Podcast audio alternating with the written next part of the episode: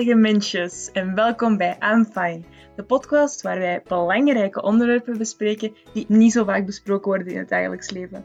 Hier nodig ik gasten uit die komen vertellen over hun levenservaringen met bepaalde zaken, bepaalde onderwerpen, waarvan ze denken dat het helpvol zou zijn als er meer over gesproken zou worden, om ook mensen die hiermee struggelen, die eventueel luisteren, te kunnen laten zien dat ze niet alleen zijn en dat er meer mensen zijn die hetzelfde probleem hebben of dezelfde zaken ervaring hebben. We hopen een vonk te zijn die gesprek in gang kan zetten in het dagelijks leven van de mensen die luisteren en hopelijk ook andere mensen, zodat deze onderwerpen meer besproken worden en zodat er meer aandacht voor kan zijn. Ik hoop dat jullie van genieten en laten we dan maar meteen in vliegen.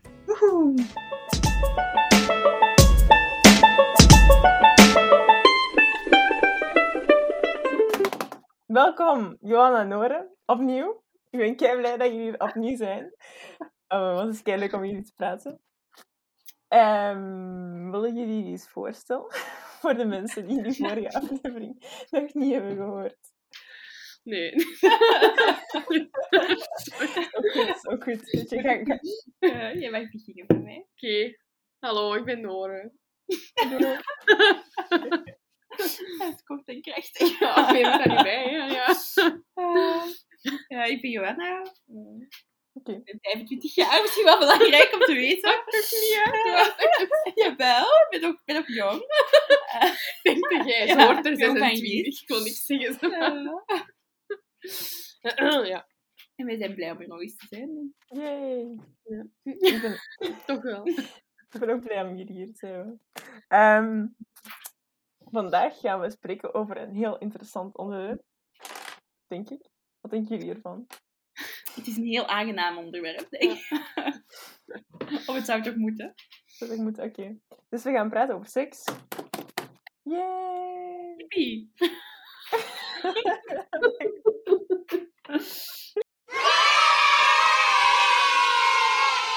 Ik is dat de beste vraag om mee te beginnen. Is, wat is seks? Jij mag beginnen. Mag ik beginnen? Ja. Oei. Eh, ja, dat is een goede vraag. Wow.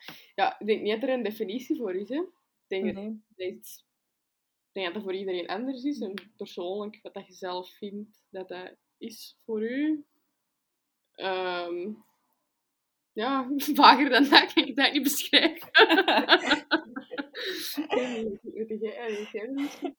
Voor seks. De Ja. definitie van seks. Ja. Goh, ik denk, standaard gezien wordt seks nog altijd gedefinieerd als seks tussen een man en een vrouw. Waar dat een piemel ja, penetratie. een vagina penetreert. Mhm. Ik denk dat dat wel nog altijd de meest standaard definitie van seks. Ja. Maar dat dat gewoon niet van toepassing is voor veel mensen. Omdat veel mensen ook niet op die manier seks hebben. Eh, voor mij is seks gewoon het uitvoeren van een seksuele handeling dat verder gaat dan kussen met een andere persoon, waar dat er wederzijds toestemming voor is. En dat is voor mij seks. maar dat kan er helemaal anders uitzien bij iemand anders natuurlijk. Ja, dat is wel een goeie- dat is wel een goede. Dank u. Daar ben ik het mee. Ik dat jullie dezelfde definitie van seks. Het zou echt wel heel erg zijn als ik nu iets flauw iets aan het zeggen. ja.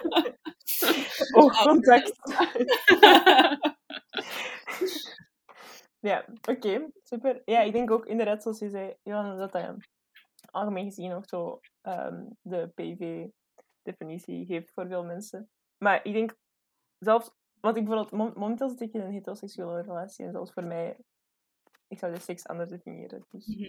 ja, ja, ik denk inderdaad dat. Nou, ik denk dat veel mensen het anders definiëren. Mhm. Ik denk dat er ook weer gewoon vaak naar dan meer reproductief biologische gegrepen wordt. Ja. Ook wanneer ze seks uitleggen in de media, Mhm.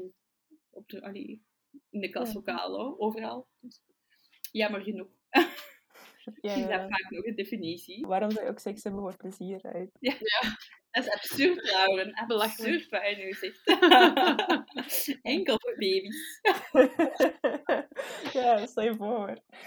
Ja, en dan daarmee de vraag ook, waar, waar, waar begint voorspel en waar begint seks? Of is dat hetzelfde? Of wat is het belang van voorspel? Ik denk, voorspel kan van alles zijn, afhankelijk van ook wie dat er seks heeft en wat de definitie is van seks natuurlijk.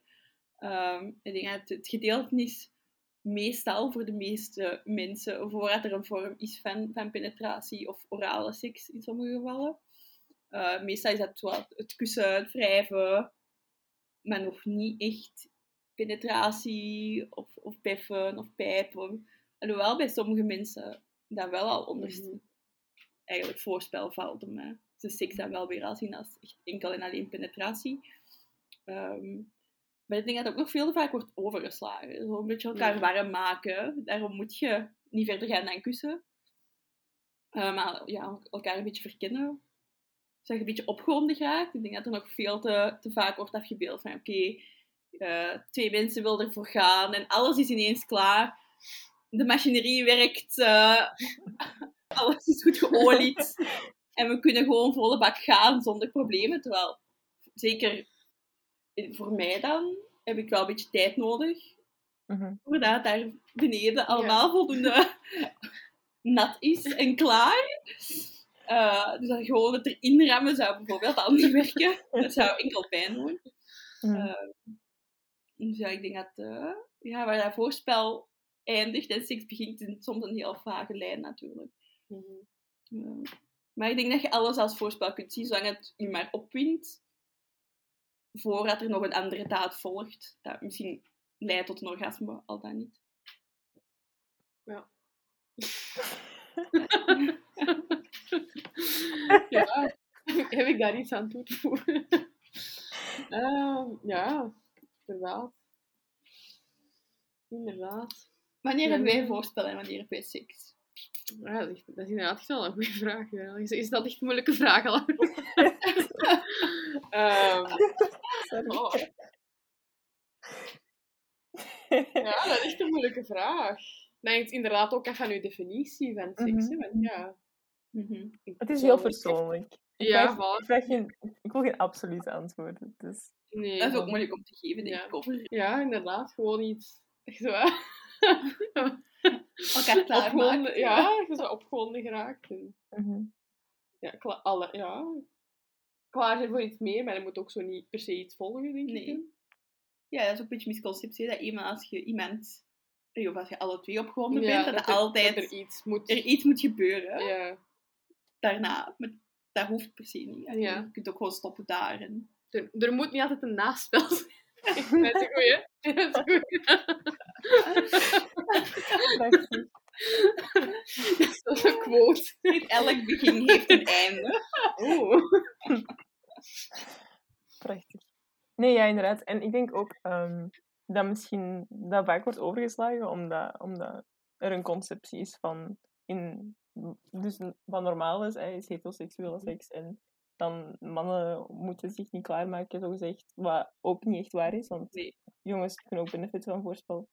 En ik denk dat dat het hele ding is van dat mensen dat zo wat wegmoffelen van ja, we kijken toch alles door de male gaze, dus kijk, dat, dat, dat ding doen we niet. Ja. Ja. Maar dat is ook wel wat je altijd te zien krijgt. Hè. Eh, porno, eh, tv-series, films. Eenmaal als ze dan toch eh, die, die lang verwachte kus hebben, of, of tot dat moment dat je weet, oké, er gaat iets volgen.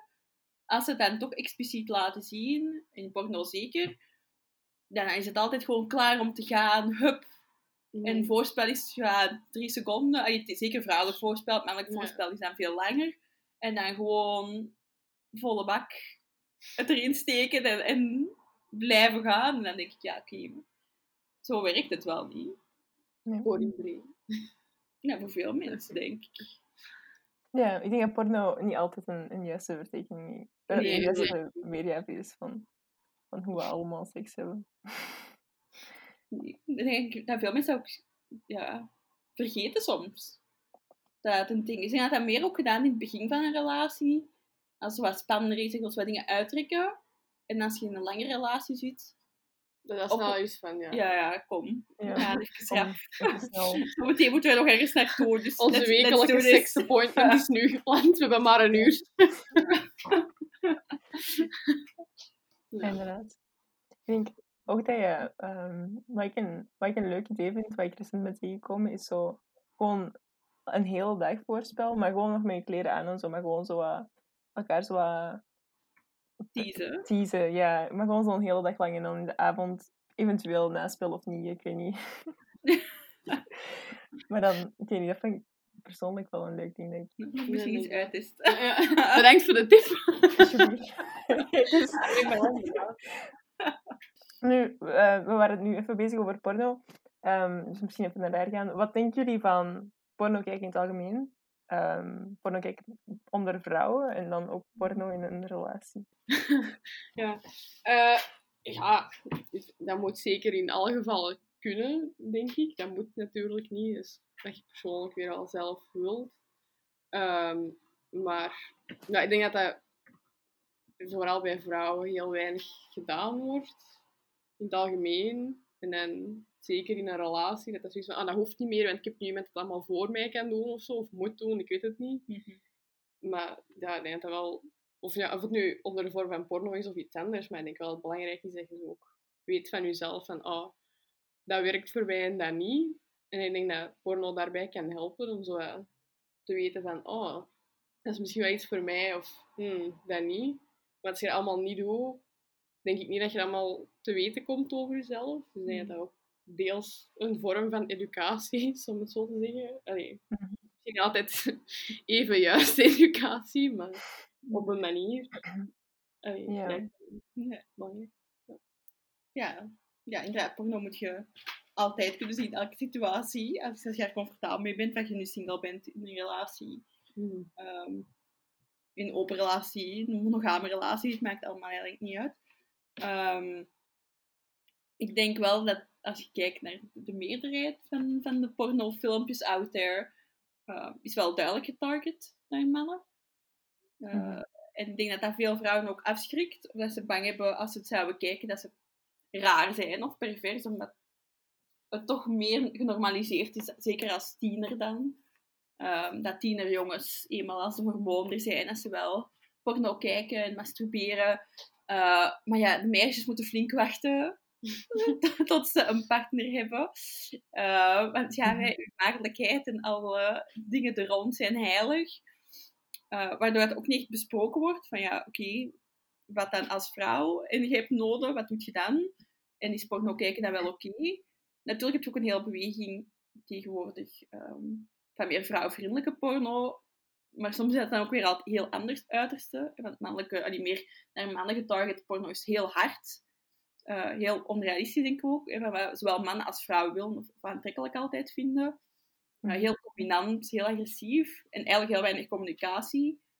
Wat eigenlijk in echte seks niet het geval is. Ehm, Nee. Ja, als je het goed doet of niet. Ehm, eh, terwijl als je dan kijkt naar die vrouwvriendelijke porno's, die zijn dan weer bijna Fifty Shades of Grey, maar dan R-rated versies ervan. Eh, maar ja, dat dan zo heel sensueel is. Soms een beetje te liefelijk, dat je ook denkt, oké, Mhm. dit is ook niet meer realistisch. Tuurlijk heb je ook soms liefelijke seks. Maar ja, soms heb je, laten we eerlijk zijn, een beetje beestachtige, passionele seks. En dat ziet er helemaal niet uit. Als ik streel zachtjes door je haar, fluister lieve dingen in je oor.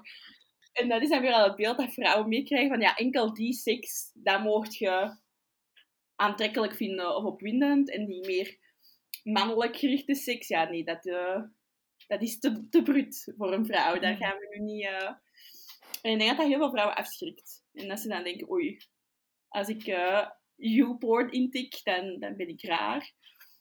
Waardoor ik ook wel merk dat heel veel vrouwen, ook rond mij, nog nooit porno gezien hebben. Niet eens uit nieuwsgierigheid, gewoon even van, oké, wat is dat nu eigenlijk? Mhm. En gewoon bijna gechoqueerd zijn als je zegt van, ja, maar ik heb dat wel al gezien. Dan zijn ze, oh, echt? En oh, waarom? En dat vind ik een heel, heel rare reactie eigenlijk. Want onder mannen denk ik dat dat veel minder voorkomt. Dat dat meer normaal is van, ja, ja, ik kijk wel een filmpje, een vies filmpje af en toe. En dat niemand gaat zeggen, mij, wow. Dat is chockerend. Ja, ik denk dat het bij mannen juist, juist vreemd zou zijn als er iemand geen porno gekeken. Ja. We hadden het ook net over zo... Ik vind het wel interessant, omdat porno heel vaak... Dus de, ja, de meeste porno is geen juiste representatie van hoe het echt eraan toe gaat. Maar dan misschien dat er wel een voordeel aan zou kunnen zijn ehm, om zo wat te, te vinden wat je, wat je leuk zou vinden. Dus dan is er zo een- ergens een balans nodig van, ah ja, het is geen echt educatie, maar ik kan er wel iets uit leren. Oké. Ja. dat is wat, wat ik er straks eigenlijk bedoel. Ja. Ja. ehm, Ja, oké. ik, denk, ik denk inderdaad wel eh, dat dat, kan helpen. Hè? Dat er een, een heel assortiment aan, aan verschillende soorten van, van porno zijn en verschillende categorieën. Ehm, en ik denk na een tijd, als je dan die initiële nieuwsgierigheid hebt overwonnen en misschien al meer comfortabel bent ehm, met eigenlijk naaktheid te zien op je scherm en, en echte seks, eh, zonder dat je daarna denkt, aan mij eigen ba, wat heb ik gedaan? Eh, en je begint dan zo wat door al die categorieën te gaan, dat je wel snel weet, oké, deze werkt voor mij en deze werkt niet voor mij vind ik niet opwindend. Maar ik denk dat er ook een, misconceptie is, ehm, dat als je iets opwindend vindt in, in een pornografische film, dat dat ook wil zeggen dat je dat zelf wilt meemaken. Wat ook niet altijd het geval is. Er zijn heel veel mensen, en ik denk de meerderheid van de mensen zelfs dat porno kijkt, die bepaalde dingen sexy vinden of opwindend, omdat het gebeurt bij andere mensen op je scherm. Maar als je zou zeggen, ja, gaan we dat nu, gaan we nu dan een gangbang doen? Hè, eh, dat je wel zou zeggen, ja, nee, pas, dat zou ik nu wel niet zelf willen doen. Maar het zien op mijn scherm is dan wel tof. Eh, dus ik denk dat het soms een beetje, dat je voor jezelf soms moet onderscheiden van, oké, vind ik deze opwindend op mijn scherm? Eh, of vind ik dit opwindend en zou ik het zelf ook willen doen? Zeker bij sommige categorieën. Is er wel een beetje een stigma op als je dat opwindend vindt. Ik denk dat het uh, zelfs een artikel was dat nog altijd de nummer één gezochte zoekterm van vrouwen die dat porno kijken, ehm, ja, zo van die rape fantasies zijn. Terwijl, ik denk niet dat al die vrouwen denken, maar goed, ik hoop dat ik verkracht word, want dat zou ik fantastisch vinden. Mhm. Omdat je ook weet dat dat niet echt is. Dat is zoals een film. Je kunt een horrorfilm fantastisch vinden. Ik vind bijvoorbeeld slashers fantastisch, maar dat wil niet zeggen dat ik hoop dat niet, dat er straks hier eh, een of andere slot in ons huis zit en dat ik moet gaan lopen. Ja. Ehm, ik denk dat dat een beetje hetzelfde is met, met pornografie uiteindelijk. Ehm, dat soms een fantasie heel leuk is op een scherm, omdat je weet dat het maar een fantasie is. Mhm. Terwijl het in echt meemaken is dat misschien niet meer zo aangenaam. Zo wat onderscheiden van, van inderdaad wat, wat, wat porno je laat zien en, en wat gewoon Mhm. je werkelijke seksleven is. En Ja. Ja, porno is ook zo over de top. En natuurlijk, Ja. want er zijn acteurs die daar, en actrices die betaald worden om dat te doen. Mhm. er is ook een hele set rond, een, een, een hele voorbereiding. Dat je in real life natuurlijk niet neemt voordat je seks hebt met iemand. En ik denk dat dat soms, sommige mensen raken daar een beetje, ik denk vooral jonge mensen, verloren in. Eh, zeker als je nog nooit zelf seks hebt gehad en je gaat dan toch voor de eerste keer het proberen of het erop wagen met iemand. Dat je een beetje denkt van, ah ja, oké, ik heb deze gezien in een, in een porno en die vrouw of die man vond dat fantastisch, dus we gaan dat ook doen. En dat je partner misschien niet zo blij is als je dat hier eh, even boven haalt. Eh, ik denk dat dat wel een beetje het gevaar kan zijn soms van porno. Misschien moet er zo'n categorie zijn, zo educatief porno. Educatieve porno. Ja. Porno. Misschien is er nog een markt voor. Ja, dat zou, zou. Zou toch handig zijn? Ja, ik denk dat veel Ik had dat handig gevonden. Ja, maar, dat- zijn. maar ik denk dat lesbische porno, of toch pornografische filmpjes tussen Mm. twee of meerdere vrouwen, de meest onrealistische Ja, porno dat is out er there is. Eh, ja. Zo die seks tussen twee, vrouwen er denk ik meestal niet uit. Of toch niet van de mensen waar ik het van weet, en- mijn eigen ervaringen. Ehm, ik denk zoals altijd in, in elke porno uh, gillen de vrouwen nog voordat er eigenlijk iets gebeurt. Wat heel ferm is. Is dat oogcontact. Ja, dat. Exact. komen, komen ze klaar tegen hoogsnelheid. Soms ook meerdere keren. Wat inderdaad sommige vrouwen kunnen, maar ook niet alle vrouwen. Dat is ook weer al een misconceptie. Dat denk ik door porno heel erg vooruit wordt geduwd. Dat elke vrouw gemakkelijk meerdere keren achter elkaar klaarkomt. Terwijl dat niet het geval is altijd. Mhm. Ehm, en ja, ook het feit dat ze enorme lange nagels hebben. Echt? Eh, ja, Ja, ja. het is echt erg. je met lange nagels. Ja, van die enorme shelnagel, soms echt 5 centimeter uitsteken, dat ik denk, ja, sorry, maar dat lijkt mij nu toch wel niet aangenaam als iemand dat in mij zou steken. Ja, Oh no. Oh no. ja, het is, en je merkt ook wel de manier waarop het gefilmd is en, en de handelingen dat ze uitvoeren. Ehm, en zoals het scissor bijvoorbeeld, het mieten, Ja. mietenstandje tussen twee vrouwen. Dat dat vooral gericht is naar mannen die dat Ja. niet echt geïnteresseerd zijn in iets realistisch, maar gewoon iets willen zien waar dat ze op, opgewonden zijn. worden. Maar dat is altijd met zo'n romantisch effectje daarop en zo'n traag muziekje zo. En, oh. Dat is duidelijk ook zo geregisseerd door mannen, hè? Allee, Ja. ja. Ik denk niet dat vrouwen zoiets zouden. Maar gelukkig is er ook wel een tegenbeweging in begonnen. Er zijn veel meer LGBTQ-gerichte pornografische filmpjes nu, denk ik, dan vroeger het geval was. Eh alleen is het denk ik nog heel moeilijk te vinden op van die onbetaalde platformen. Meestal dat, zoals met alle hogere kwalitatieve pornofilmpjes, betalen. Ik denk dat dat ook veel mensen tegenhoudt om, om dat natuurlijk te doen. Want ja, ervoor betalen klinkt al Dat is een, dat is Veel. een grote stap, hè? ja, ik vind dat veel erger natuurlijk. Dat echt gewoon niet En wat als iemand die rekening ooit zal zien.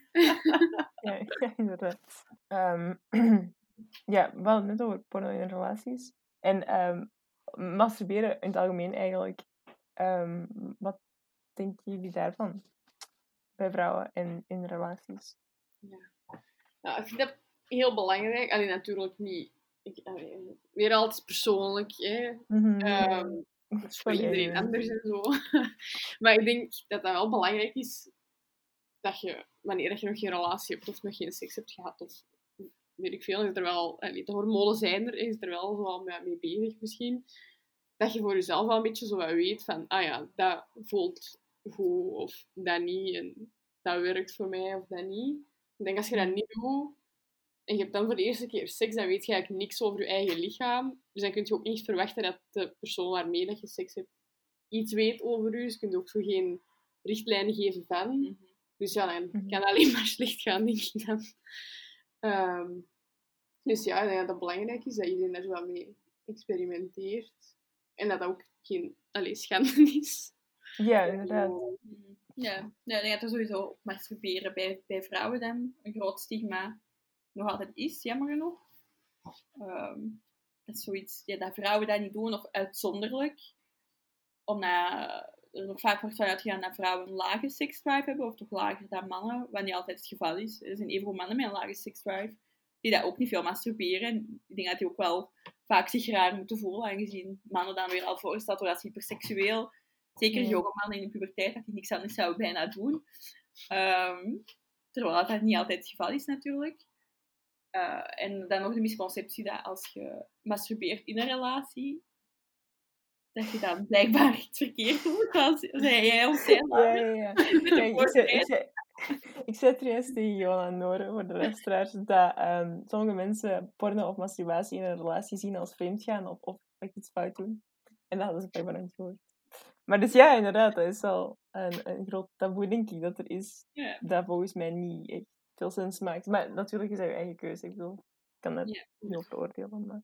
je hoeft niet te masturberen en je hoeft ook niet eh, porno te kijken in een relatie of ook niet als je single bent, als je er geen behoefte aan hebt natuurlijk. Er zijn ook mensen die asexueel zijn en dat is totaal prima.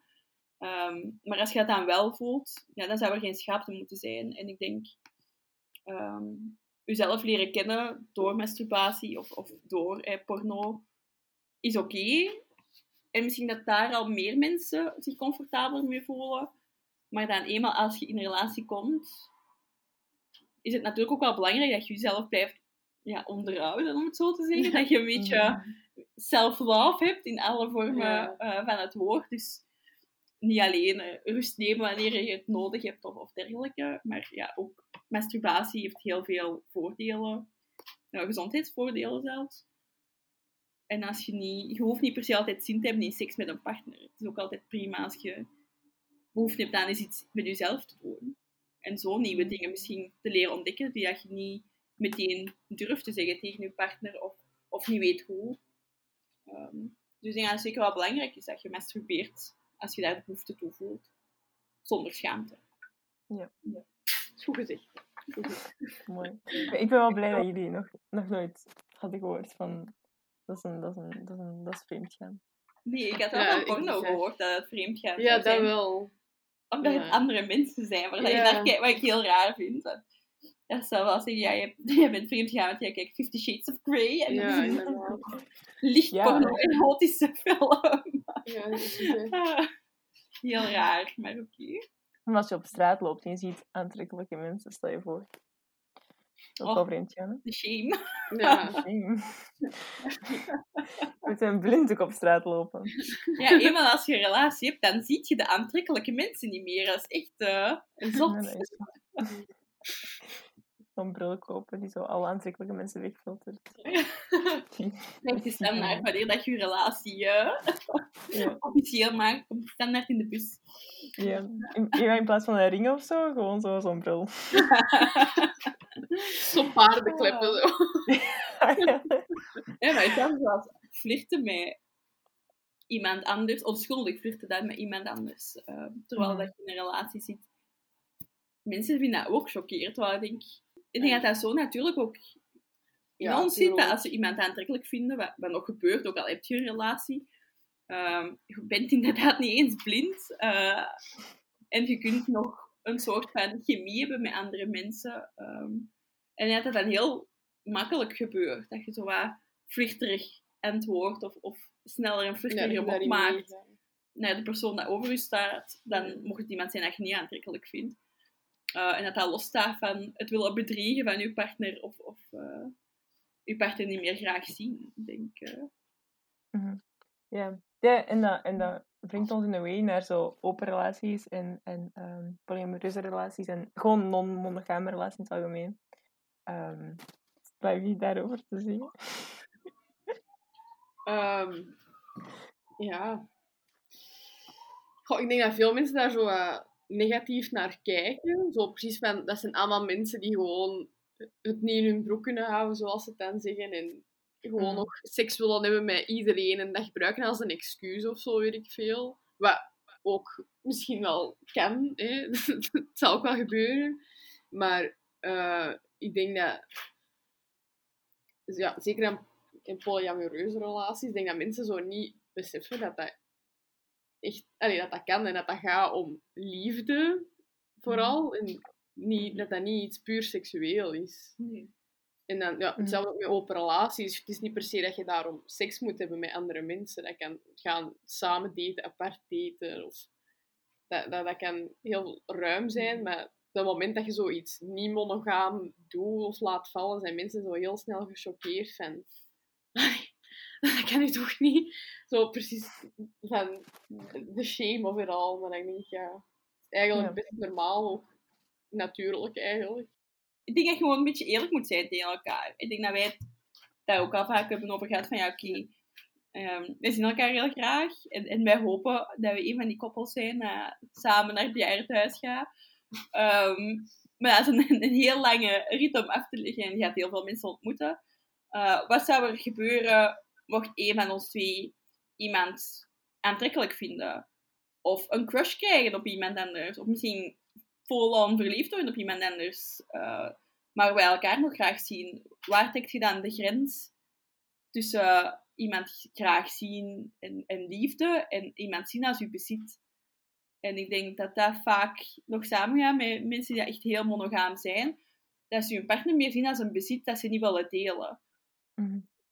Terwijl je kunt mensen niet bezitten. Daar ben ik van mening over. Dat, dat gaat gewoon niet. En je kunt ook je, allee, gevoelens niet altijd controleren. Ehm, en je kunt inderdaad, denk ik, wel verliefd worden op iemand anders, terwijl je nog in een relatie zit. En daarom niet per se je relatie willen weggooien. En gaat je dan je partner die vrijheid gunnen, ja of nee? En is het op zijn minst al bespreekbaar? Want ik denk dat daar vaak dingen fout lopen. En zoals mensen die elkaar bedriegen, terwijl dat ze eigenlijk niet uit elkaar willen met hun partner. Ja. Omdat ze niet het idee hebben dat ze daar openlijk over kunnen babbelen. Soms is dat ook een uiting van andere problemen in je relatie. Maar soms ook gewoon dat je verliefd bent op iemand. Of een onweerstaanbare seksuele spanning hebt met iemand. Dat je gewoon weet, oké, deze is een, een matter of time voordat deze fout gaat. En ofwel kun je dan eerlijk zijn van, ja, kijk, er is iemand eh, en ik wil dat wel verder ontdekken. Of er is iemand dat ik heel tof vind en ik zou eens gewoon mee op date willen gaan. Die zijn, zijn of haar hand willen vasthouden terwijl we een film kijken. Zoiets banaal kan dat ook zijn. Het hoeft niet altijd seksueel te zijn.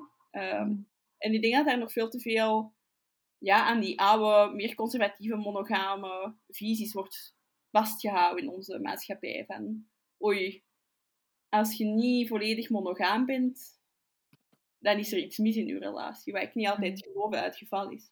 Ja, ik denk dat dat, eh, dat heel Mhm. belangrijk is, dat je daar eerlijk over bent. Ja, ik denk dat ook wel. En ook de conceptie van ehm, je ziet de ander niet graag genoeg of je wilt je vrijheid niet opofferen Ja. om, om met een andere persoon samen te zijn. Terwijl de, het niet zou moeten gaan daarover, denk ik. Ik denk dat iem- iemand graag zien niet gaat over vrijheid opofferen van jezelf. Ik denk dat een verkeerd startpunt is als je een relatie ziet als je vrijheid opofferen. Mhm. een gezonde relatie zou, zou je eigenlijk niks moeten opofferen. Zo zou het toch Ja, niet moeten voelen als je iemand, u, iemand uw tijd geeft aan iemand, of, of uw energie, of zelfs uw seksuele trouwheid, of uw sociale trouwheid, wat nog totaal verschillende dingen zijn, ehm, zou je niet moeten voelen als een opoffering. Mhm.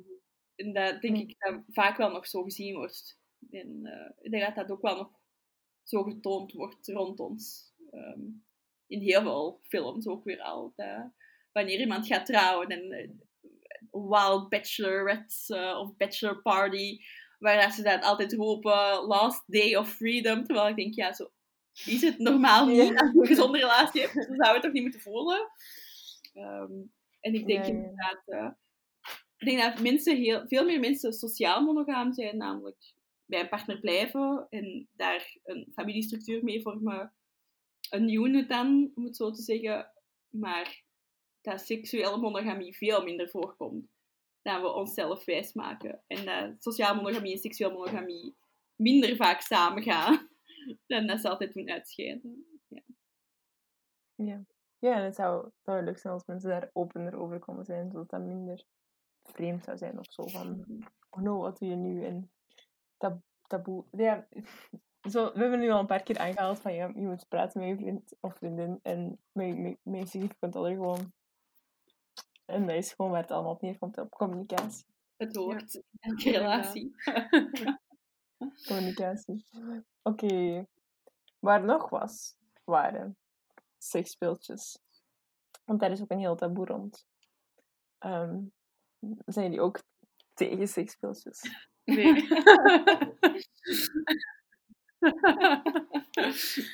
nee, we, ja, we zijn er absoluut niet Nee. tegen. Hè. Pro, pro seksspeeltjes. Iedereen Ja. dat wilt, gaat het halen. Eh, nee, ik denk ook weer al, eh, niet alleen persoonlijk qua masturbatie, dat dat zeker al belangrijk is dat je al weet wat dat je eh, aangenaam vindt, wat niet, en wat dat zo wat je gevoelige plekjes zijn. Maar zeker ook binnen een relatie, dat dat moet kunnen als iemand of beiden of dat zou willen, dat dat bespreekbaar moet zijn, eh, dat je dat moet kunnen gebruiken als je dat wilt en dat, dat, niet, dat daar niks mis mee is. Ja, omdat dat dingen kan doen dat wij niet kunnen. Allee, als dat aangenaam voelt, waarom niet? ja, het kan een handige tool zijn. Hè? Zowel, ehm, denk ik, om te krijgen als om te geven aan je partner. Ehm, ik denk dat vaak veel mensen denken dat als er een seksspeeltje bij te pas komt, dat je dat wil zeggen dat je faalt, of je geen goede seks kunt leveren op jezelf, terwijl helemaal niet waar is. Eh, dus als je zegt, veel seksspeeltjes zijn getarget voor specifieke dingen, clitorale stimulatie, vaginale stimulatie, en sommige vibrators gaan in hoeken en trilstanden dat je eigen lichaam gewoon niet kan bieden. Wat je nu een man of een vrouw zei, ik denk niet dat wij kunnen trillen, ehm, of toch niet op manier trillen, eh, of in die hoeken kunnen buigen altijd, als, eh, als die seksspeeltjes kunnen. Ehm, en nee, gewoon een, leuke manier is ook om elkaar plezier te kunnen geven en elkaar te kunnen ontdekken. Ehm, ik denk natuurlijk, als je, zoals wij, als je, wij wonen nu samen, dus onze seksspeeltjes, als we ze online zouden bestellen, komen natuurlijk gewoon hier aan en niemand anders gaat ze open doen. Ik denk dat het misschien anders is voor jonge mensen die nog thuis wonen, uh, die dat dan toch vaak een beetje dat stigma voelen, uh, die dat niet het idee hebben dat ze comfortabel genoeg zijn om echt een, een winkel binnen te stappen, een, een seksshop zelf binnen te stappen, en daar even iemand aan te spreken en zeggen, help mij, uh, ik zou graag een, mijn eerste vibrator willen, um, of iets anders. Maar dan ook niet het idee dat ze dan online iets kunnen kopen, want ja, dat komt dan aan aan de voordeur en God dat mama of papa natuurlijk vraagt wat er in je pakketje zit. Ja. Of het nog open doen, nog erger. Uh, weer al omdat we zo het idee hebben dat seks zo intiem en privé mag zijn. eh, dat zelfs je ouders eigenlijk niet zouden mogen weten dat je het hebt. Denk ik wel een beetje absurd. Dus ik denk dat veel ouders al na een tijd beseffen dat hun kinderen wel de leeftijd hebben eh, dat seks on the table ligt. Mhm. Ehm, maar ja, ik denk dat, ja, ik denk dat dat ook nog een, een iets is waar dat heel geheimzinnig of, of een beetje lacherig soms wordt overgedaan. Gewoon ook al van, oh, het wordt discreet verpakt. En oh, niemand gaat weten. Ja, ja, ja. Zo, altijd zo dat je geheimzinnige moet... Allee, Ja, het voelt bijna dat je echt iets verboden hebt gekocht. ja, precies of je zo'n pakketje drugs bestelt of zo. Allee, dat dat discreet aankomt. Dat kan inkomen. ja, inderdaad. Ja, het staat meestal altijd op groot, want dat flashje op die website Ja. verpakt. Ja, Ja, ja. Dat is wel snel een leven. ja en ik denk, Ja. inderdaad, ik denk dat zo'n online winkel wel kan, kan helpen. Ehm, maar ook gewoon zo'n winkel zelf binnen stappen kan ook wel heel informatief zijn. En veel mensen denken niet dat het zo casual ehm, kan zijn om een seksspeeltje te kopen. Ze denken altijd, oh, dat gaat heel awkward zijn. Of eh, de verkoper of verkoopster gaat rare vragen stellen. Of de mensen die daar werken zijn allemaal perfecte. eh, terwijl helemaal niet waar is. Eh, mijn ervaringen meestal, als ik ergens, zo ergens binnenstap, zijn altijd positief. En die kennen hun producten wel degelijk en die kunnen wel helpen. Of die kunnen wel zeggen van ja, oké, je kijkt nu wel naar, naar deze vibrator of ehm, naar deze clitorale stimulator of iets voor anale seks. Maar voor wat jij mij nu uitlegt dat je eigenlijk het liefst wilt bereiken, kijk maar naar dit speeltje, ehm, want dat gaat meer helpen. Terwijl online ben je wel echt op jezelf aangewezen. Je moet het wel echt zelf doen en hopen dat je jezelf juist inschat. Ehm, zoiets als een, een dildo grootte. Ik denk dat je snel overkoopt dat je denkt, goh, Dat zoiets gaat er klein, zoiets klein is niet voor mij. Eh, ik heb al ervaring. Ehm, ik zal direct een groot formaat kopen, dat dat misschien dan toch wel iets tegensteekt. Eh, dat denk ik zeker wel. Of het gebruik van, van glijmiddel in combinatie met seksspeeltjes. Mhm. Eh, dat mensen het verkeerde glijmiddel kopen. ehm, omdat de meeste seksspeeltjes toch op siliconenbasis zijn. Dus dan kun je beter ehm, een water-based glijmiddel kopen. Omdat anders, als je siliconenbased glijmiddel koopt, dan breekt dat elkaar af. En dat is natuurlijk niet wat je wilt. Uh, het is niet ideaal als, er, eh, als je seksspeeltje wat begint af te brokkelen terwijl je ermee bezig bent. Ehm, of het gebruik, hoeveel glijmiddel dat je moet gebruiken. Ehm, en zo, iets als een dildo bijvoorbeeld. Ja, natuurlijk, een, een, een penis van een man bevochtigt zichzelf ook. Dus heb je misschien niet heel de tijd je busje bij de hand om maar bij te knijpen. Ehm, maar dat is wel natuurlijk het geval soms als je seksspeeltjes gebruikt. Dus, eh, en eh, ja, het, het gebruiken en het, het kuisen van je seksspeeltje, zoiets banaal. Denk dat als je voor de eerste keer op zo'n website bent, dat je misschien niet bij stilstaat wat je eigenlijk allemaal nodig hebt om het maximale uit je aankoop dan te halen. En ik denk dat daarom, misschien als je voor de eerste keer zoiets gaat doen, een trip naar een effectieve winkel is geen slecht idee. En het is helemaal niet zo awkward als je denkt, want ja, Ja. die mensen doen niks anders dan over babbelen natuurlijk. Iemand die je gaat aankijken, zo van, je bent hier binnengewandeld. Ja. Ik wil hier niet. Ja, stel dat je de winkel binnenstapt en je vraagt voor een goede, een goede hamer of zo. En Ja, ik denk ook dat die in shock gaan zijn als je dan zegt, ik wil Ja. eh, een kast in elkaar timmeren, hier ben ik. Eh, Stel je voor. Nee, maar dat is inderdaad gewoon zo awkward als je het zelf maakt. Als je gewoon zelf chill bent dan. Ja. Ja, en die je ook wel degelijk op je gemak hoor. Ik denk dat die snel wel merken of het iemands eerste keer in hun winkel is. Ja. een sekswinkel in het algemeen. Ehm, of uw honderdste keer. Ik denk dat dat wel mensen hun gezicht staat af te lezen. Ehm, en ik denk dat mensen ook bang hebben als ze er buiten komen, wat als iemand mij erkend heeft. Eh, Ja, ja, als iemand mij ziet. Terwijl, ik denk, ik hoop toch eh, dat niemand daar zo'n big deal van maakt. Eh, en als mensen gechoqueerd zijn, dan zijn ze vaak zo gegeneerd en gechoqueerd dat ze denk ik ook niet er iets over zullen zeggen. Het is helemaal niet zo'n rare ervaring als dat mensen denken. Ja. ja, het is ook gewoon spijtig dat er zo'n sluier rondhangt, Ja, precies, van, ja, van schijnen en, en schaamte. Want ja, dat is er al bij seks op zich en dan seksspeeltjes en dan... Ja. Alles seks Ja. gerelateerd. Maar daarom zo'n avond, ik heb dat nu zelf ook eens gedaan op de universiteit, dat kan wel echt helpen. Want ja, dat zijn vaak gericht naar ofwel enkel mannen ofwel enkel vrouwen. Mhm. Dus je hebt dan niet de awkwardness.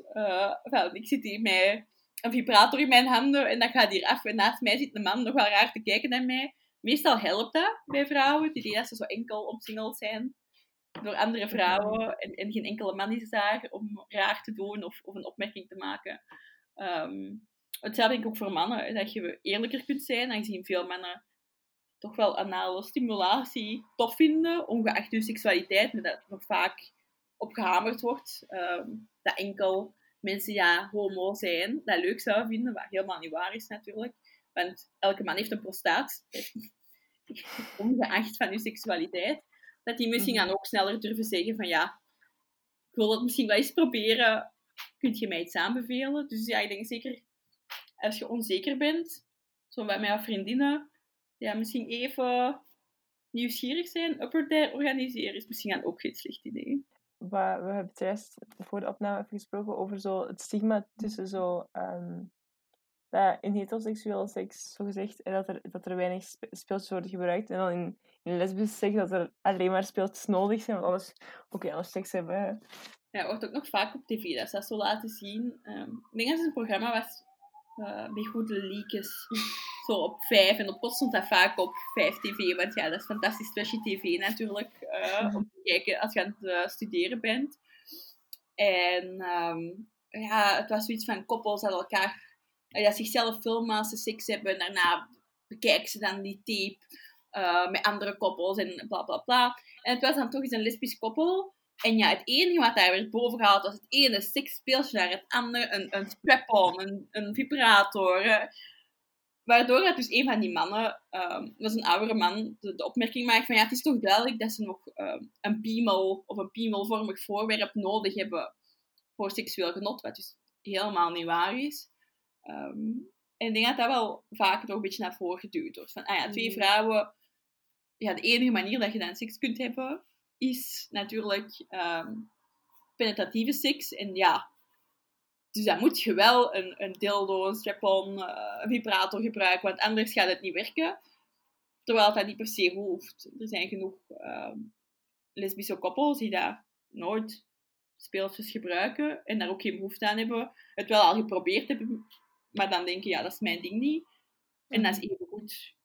Um, terwijl ja, veel van mijn heteroseksuele vriendinnen dan toch wel seksspeeltjes misschien hebben, een vibrator voor zichzelf, maar dat niet altijd gebruiken bij hun partner of een partner daar niet altijd voor open staat. Omdat mannen dan eerder het idee hebben dat ze underperformen en dat je dus iets anders nodig hebt om het beter te maken.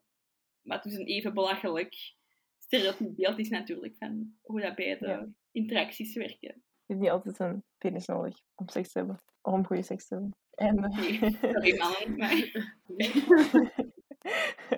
Alle mannen thuis zijn zo van, wat? Ja. Mind blown. Ja. Penis mag er zeker wezen in sommige gevallen, maar in alle gevallen. Ik moet het niet zien.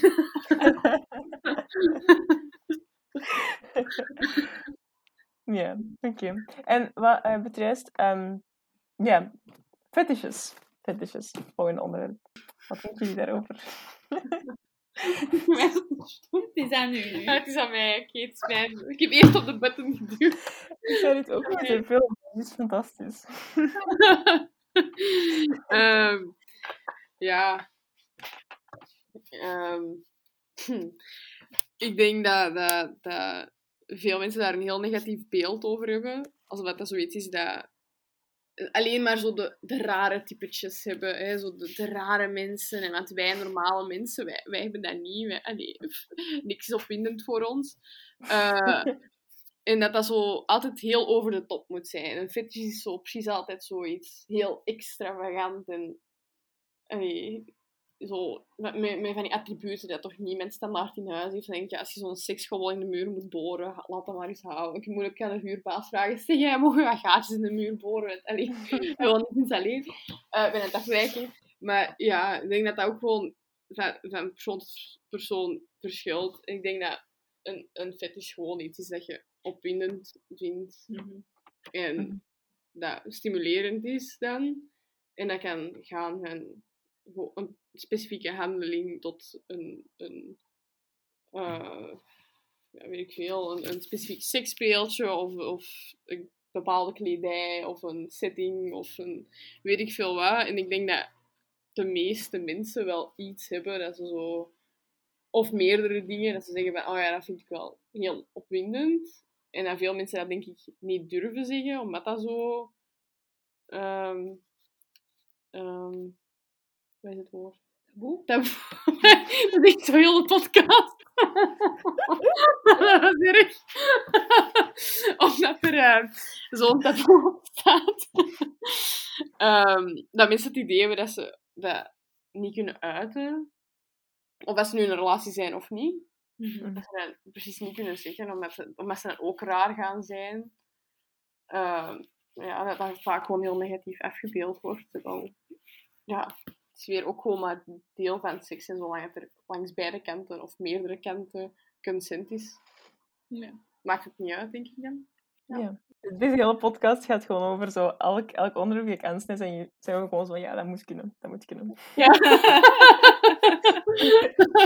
ja, gewoon meer open moet gedaan worden over alle aspecten van seks. Mm. Maar eh, Ja. ja, ik denk als het over fetishes gaat, over kinks, dat veel mensen ook denken, als je een, een bepaalde fetish of kink hebt, dat je enkel ehm, Mm. seks hebt in een setting waar die fetish of die kink aanwezig is en geen andere vormen van seks, wat helemaal niet waar is. Ik denk, Ja. ik denk dat het enkel pas obsessief of ongezond wordt, maar zoals met alle dingen, als je enkel ehm, seks wilt op die manier en, en geen andere, terwijl je partner duidelijk aangeeft dat hij wel behoefte heeft aan afwisseling, dan is het natuurlijk een ongezonde manier. Of dat je eh je, je fetish of je kink doorduwt op je partner, ook al is hij niet comfortabel ermee. Ja, dat is natuurlijk niet de bedoeling. Ehm, Nee. je moet natuurlijk allemaal akkoord zijn ehm, in je setting. Ehm, anders is het, denk ik, heel toxisch om eh, te verwachten dat mensen je seksuele noden altijd vervullen hoe dat jij het wilt, ook al zijn ze zelf eh, er geen fan van. Ehm, en ik denk ja, dat, dat mensen ook altijd het idee hebben van ehm, een, een fetish of een kink is meestal iets dat mannen hebben. Ehm, en, en vrouwen weer al niet. Ik denk dat vaak ook vergeten wordt dat vrouwen dat wel kunnen hebben. Mhm. Ehm, en als vrouwen het dan hebben en mensen beseffen dat vrouwen het hebben, denken ze meestal dat vrouwen enkel onderdanige eh kinks of fetishes hebben, nooit dominant. Wat ook niet waar is. Ik denk, er zijn evengoed vrouwen die dominant zijn. en ehm, dat heel aantrekkelijk vinden.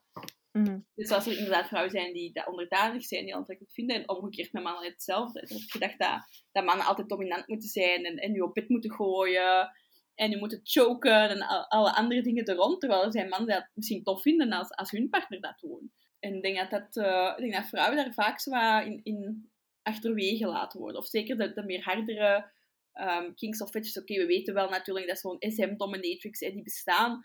Ehm, maar we zien dat eerder als ja, een vrouw dat, zoals een prostituee, een vrouw dat wat tegen haar zin doet om haar familie te onderhouden. Of, of een drugsverslaving, maar niet omdat ze effectief zelf tof kunnen vinden. Ik denk dat dat vaak, dat mensen daar niet bij stilstaan, dat dat wel degelijk kan.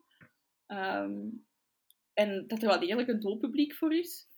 En dat er denk ik veel meer mensen rond u wel degelijk een kink of fetish hebben, dat jij misschien zelf bizar zou vinden, maar dat die mensen wel perfect comfortabel mee zijn en, en hun partner daarmee uitoefent. Ehm, en ik denk degene met de meeste misconcepties, ja, SM natuurlijk. En ik denk dat, dat films eh, zoals in de Fifty Shades of Grey of eh, was het 365 Days op Netflix, eh, ik denk dat die daar geen goed aan doen. Omdat eh, het, het soort SM dan als ze laten zien is, zoals ik zeg, meer het toxische soort. ehm, er is geen veilige omgeving, er is geen safe word. ehm, het is eigenlijk niet echt altijd even consensual, of het lijkt toch niet Mm. altijd zo. Het is soms een beetje borderline rape, ehm wat helemaal niks te maken heeft met, met een fetish of een kink. Dus wanneer het dan toch wordt voorgesteld in de media, wat nu een reportage is, ehm, of een film of serie, dan is het meestal zo de extreme gevallen. En wordt het echt zo voorgesteld als ja, iets dat niet veel mensen hebben, maar veel mensen van dromen. En als het gebeurt, is het ja, heel agressief. En is het één iemand dat een ander iemand dwingt om het te doen, terwijl dat helemaal niet het geval is. En Mhm. ik denk ook omdat te weinig mensen, zeker in een relatie, daarover durven babbelen. Tegen hun partner van, oh, ik vind deze wel heel opwindend en misschien gaat je die raar vinden, dus ik ga het gewoon niet zeggen. Eh, en dat vind ik wel verkeerd. Zeker omdat, ja, ik denk, ja, ik denk dat vooral fetishes en kinks daar nog eigenlijk het meeste eronder lijden. Nog meer dan masturbatie of seksspeels. Dus ik denk als het daarover gaat, is het wel echt het grootste taboe van allemaal. Ehm, Ja. ja, mensen gaan meestal niet verder dan zo wat de handboeien, eh, de blinddoek. En meestal is dat het dan Ja. nog. en dat vinden ze al super spannend. Eh, Ja. En dat is voor veel mensen waarschijnlijk ook spannend en het is allemaal prima. Ehm, maar daar draait het denk ik ook allemaal niet altijd om. Eh, dat is experimenteren en dat, is fijn. Ehm, maar ja, ik denk dat, mensen een verkeerd beeld hebben van wat kinks inhoudt en, fetishes. En de mensen dat doen. Eh, denk ik veel. De kassierster bijvoorbeeld in de Deleuze kan een, een zotte dominatrix zijn by night. Eh, de, de man die de, uw straat veegt kan een voetfetish hebben. Ay, je weet het allemaal niet. Op zich boeit dat ook niet. Ehm, we hebben zo'n beeld dat die mensen bizar zijn of in een donker kamertje leven met hun Mhm. porno blasting all day met hun kink en fetish en dat is het. Eh, en dat dat gewoon well-adjusted people zijn, terwijl dat dat ver van de realiteit staat. En ik denk dat dat ook veel mensen weerhoudt om hun dingen te proberen of, of zich open te stellen. Ja, ik denk ook. ehm, dat dat inderdaad ook een van de grootste taboes is. Omdat, omdat je gewoon bang bent voor... Ik guess dat, dat, mensen nog kunnen begrijpen van, ah ja, masturbatie, ja, ja, porno, want we willen gewoon getting off. Ehm, maar dan je fantasieën uiten aan mensen. En dan zeker als die een beetje vreemder zijn of zo. Terwijl alle porno-categorieën eigenlijk het tegenspreken. Hè? Want ik denk dat er Mm. online, als je, de meerderheid van de porno-video's zijn wel gericht naar een bepaalde fetish. Ook al beseffen mensen dat misschien niet altijd, dat wat ze aan het zien zijn eigenlijk een fetish is. Ehm, zoiets als een, een trio kan een fetish zijn. Zoiets als een gangbang kan een fetish zijn. Dat zijn heel veel van de films dat je eh, te zien krijgt als je gewoon een porno-website openklikt. En die worden Ja. veel bekeken. Ehm, dus ik denk dat daar nog wel veel werk aan de winkel is om, om mensen meer comfortabel te maken met alle aspecten van hun seksualiteit. Ja, sowieso, in het algemeen. Nog iets taboe. Ik ga gewoon taboe dingen firen. Alright. Dat is wat ik aan het doen ben, al heel de tijd. Ehm, eh, wat denken jullie van seks hebben tijdens uw regels? Moet kunnen. Eh, ja, ik denk wel. Er wordt zoiets van gemaakt dat het zo niet is, denk ik Mhm. vaak. Ehm, zo precies aan het bloed en alles gaat overal zijn, terwijl er, bestaat zoiets als een ehm, tampon. Sorry, even uh, zoeken. Dat is. Eh, ja, dus eh, ik- denk gewoon dat veel mensen, mannen, vrouwen, whatever, dat, dat vies vinden of zo. Ik denk dat dat ook voorkomt uit, uit meer traditionele kijk, is zoals vroeger. Ik denk eh, heel veel religies ook zien vrouwen als, als niet rein of, of, of niet oké als ze hun regels hebben en je mocht ze niet aanraken. Eh, en ik denk dat dat bij ons vroeger zeker eh, in onze contrij ook het geval was. En dat we dat nog een beetje met ons meedragen. Dat als een vrouw haar regels heeft, dat ze vuil is. En dat heel het gebeuren daar beneden een vuil boeltje is, dat je liever niet wilt aankomen. Eh, en dat een vrouw dan niet, niet sexy kan zijn. ehm, omdat het beeld dat wij hebben van, van vrouwen, als ze dan seks hebben, is altijd perfect geschoren. Het mo- meest mooie setje na. We hebben nog, er zijn echt, denk ik, heel weinig beelden eh, in, in films of series of documentaires of whatever, dat zich focussen op een vrouw die haar regels heeft, zonder dat ze daar zoiets woel van maken. Ehm, en denk dat we een beetje meedragen als we dan eh, in de slaapkamer, eh, dat we dan denken, oei nee, eh, beter vijf dagen tot een week wachten totdat dat boeltje daar terug oké is. Eh, want daar gaan we nu niet aankomen, inderdaad, dat alles vol zou hangen. Terwijl er zijn veel manieren, denk ik, om dat te voorkomen. dus als een tampon, een condoom, eh, whatever, een handdoek eronder leggen. ehm, je hebt echt wel van alles om, eh, om het een beetje netjes te houden. Maar ik denk dat seks sowieso, eigenlijk als je het objectief bekijkt, een beetje een vuil bedoeling kan zijn soms. Ehm, en daar doen we dan niet zo over van, oei nee, er gaan overal vloeistoffen komen, dus misschien beter niet. Uh, Mhm. Maar op het moment dat het dus over regels gaat, ja, dan... eh, en heel veel vrouwen hebben dan ook het idee dat ze niet, niet sexy zijn of, of geen seks mogen hebben dan. Want allee, dat is wel vies, hè. Mm. Uh, dus het is niet alleen mannen dat zich daar schuldig aan maken, uh, maar ook vrouwen zelf die heel oncomfortabel zijn uh, wanneer ze hun regels hebben. Maar ik vind dat dat kan, lichamelijk dan, seks zonder, zonder pijn of dergelijke, tijdens je regels en je voelt je opgewonden, wat wel logisch is, Ja, dat omdat je hormonen all over the place zijn. Is als je eigenlijk een heel goed moment om seks te hebben. Ehm, Ja. nou ja, ik vind dat, dat, dan wel, dat je daarvoor moet openstaan. Uh, ook als je je partner graag ziet. Normaal gezien vind je toch zo'n dingen niet vuil dan van je partner. Uh, ik denk dat je een bepaalde... Ja, dat je grens veel verder ligt. Uh, bij iemand dat je echt intiem graag ziet, dan, dan gewoon een, een random stranger op straat. Ik denk dat je veel dingen minder vies vindt van je partner dan van iemand random. Uh, dus Mhm. waarom ook niet dat aspect? Want ja, het is er nu eenmaal voor een heel lange tijd. En Ja, dat- het komt ja, maandelijks. Ja. En dan gaat je elke maand, elke maand. Ja, Ja. ja, als het nood er is, waarom niet? voilà. Help a girl out. Ja, ik, ik, ik, denk, ik denk dat dat ook nog een groot deel stemt van gewoon onze maatschappij is ruled by men. En Mhm. mannen zijn het niet gewoon om elke maand bloed te zien. Dus ja, dat Ja. waarschijnlijk iets vreemder dan mij. Ik, denk ik denk dat vrouwen wel gewoon zo zijn van, ah ja, dat is van bloed, boeien. Seks tussen twee vrouwen tijdens je regels is, denk ik, sne- gebeurt sneller, denk ik, dan, dan tussen een man en een vrouw. Ik denk dat misschien daar nog meer... Want ja, wij zijn gewoon van elkaar. Allee, wij bloeden ook, dus ja... Ja, Oh ja? Allee.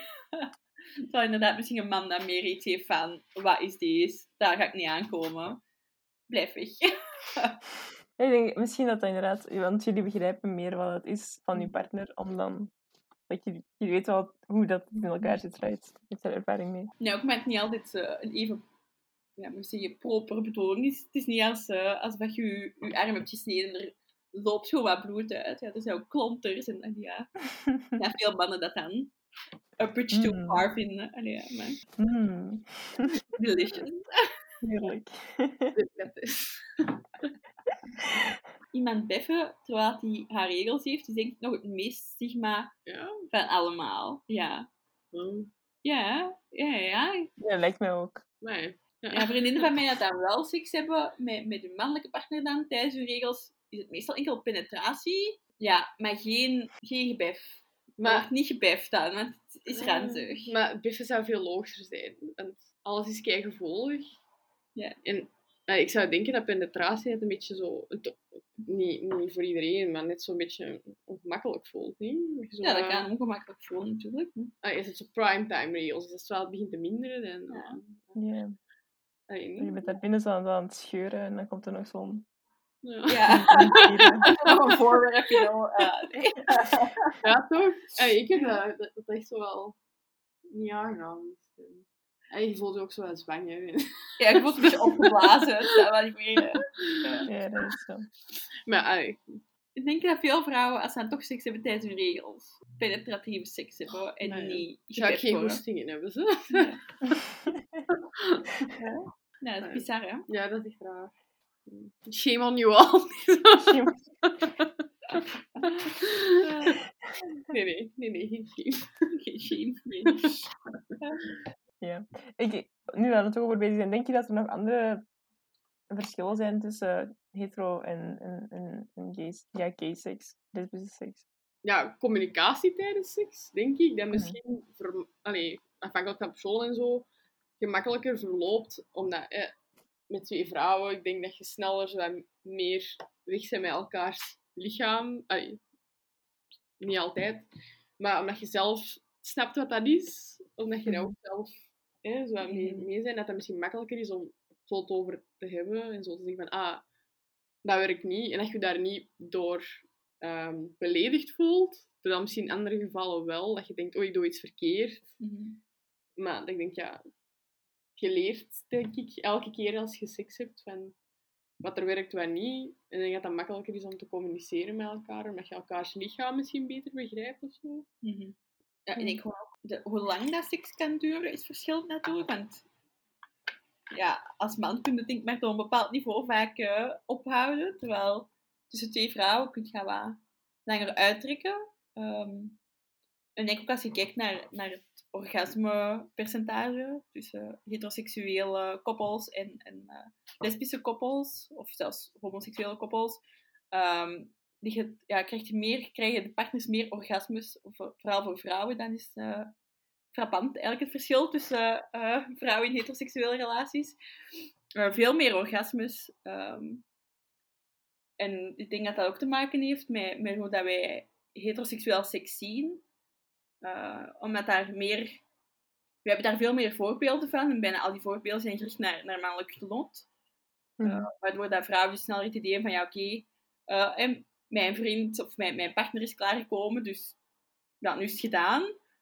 Um, en sommige mannen, daarom niet altijd slecht willen bedoeld, hebben ook dat idee van seks. Van, ja, ik ben klaargekomen, dus als ik zin heb en ik heb nog energie, dan zal ik wel nog tijd in mijn vriendin steken, maar eigenlijk wil ik gaan slapen, want ik ben moe. Um, terwijl tussen twee vrouwen, denk ik, omdat je misschien geen echt veel voorbeelden te zien krijgt, um, focus je meer op elkaars genot dan op persoonlijk genot. Um, en ik denk dat dat misschien kan verklaren waarom dat het orgasme-aantal zoveel hoger ligt. En ook, ja, inderdaad, als vrouw weet je ook beter wat werkt en niet werkt. Terwijl veel mannen hebben enkel als handleiding uh, pornografische filmpjes. Waar uh, heel veel dingen niet werken zoals in real life. Um, namelijk, eh, dat, je vinger in, in, in porno is heel agressief, hard en, en we gaan maar. Een vuurtje stoken. Ja, terwijl dat voor veel vrouwen niet werkt. Um, en ik denk als vrouw weet je dat ook wel sneller van ja, oké, okay, deze gaat niet werken. Waardoor dat je alles ook veel rustiger soms doet, uh, meer tijd neemt. Waardoor dan waarschijnlijk het, het uh, orgasme, uh, het slaagpercentage dan, dat je, je partner een orgasme krijgt, veel hoger ligt. Dus ik denk dat op dat vlak misschien sommige mannen wel wat kunnen leren. ja, misschien moeten we zo'n praatgroep doen met vrouwen die zitten met vrouwen en mannen die zitten met vrouwen samenkomen. Maar ja, ik zoals ik zei, denk ik dat dat ook vooral komt door communicatie. Met, dat je dat misschien als vrouw niet durft zeggen tegen je partner dan. Omdat je die Mhm. niet het idee wilt geven dat die niet goed bezig zijn of zo. Mhm. Omdat die dat dan misschien heel persoonlijk nemen. Dat je dan liever niks zegt. Of dat je dat wel zegt en dat die dat heel persoonlijk neemt en zo wat boos is of zo. Ik Ja. weet het niet. Ja, ik heb wel enkele mannelijke partners gehad die dat eenmaal als zij hun hoogtepunt had bereikt, dachten dat dat automatisch zou zeggen dat ik dat ook had bereikt. Oei. Gewoon omdat dat in porno zo, zo getoond wordt. Mhm. Er is, in porno wordt dat niet altijd even duidelijk getoond. Ja, nee, Wanneer een vrouw haar effectief hoogtepunt bereikt, meestal geldt hij op een bepaald moment eh, tijdens penetratieve seks. En wordt dat maar afgedaan als een orgasme, terwijl niet altijd die actrice effectief een orgasme heeft bereikt op dat moment. Waardoor dat mannen ook denken van, ah ja, oké, zo hoeft het en, en zo moet het. Uh, en ik ben nu klaar, dus zij zal ook wel klaar zijn. Mhm. Terwijl heel veel vrouwen niet klaar kunnen komen van penetratieve seks. En Mhm.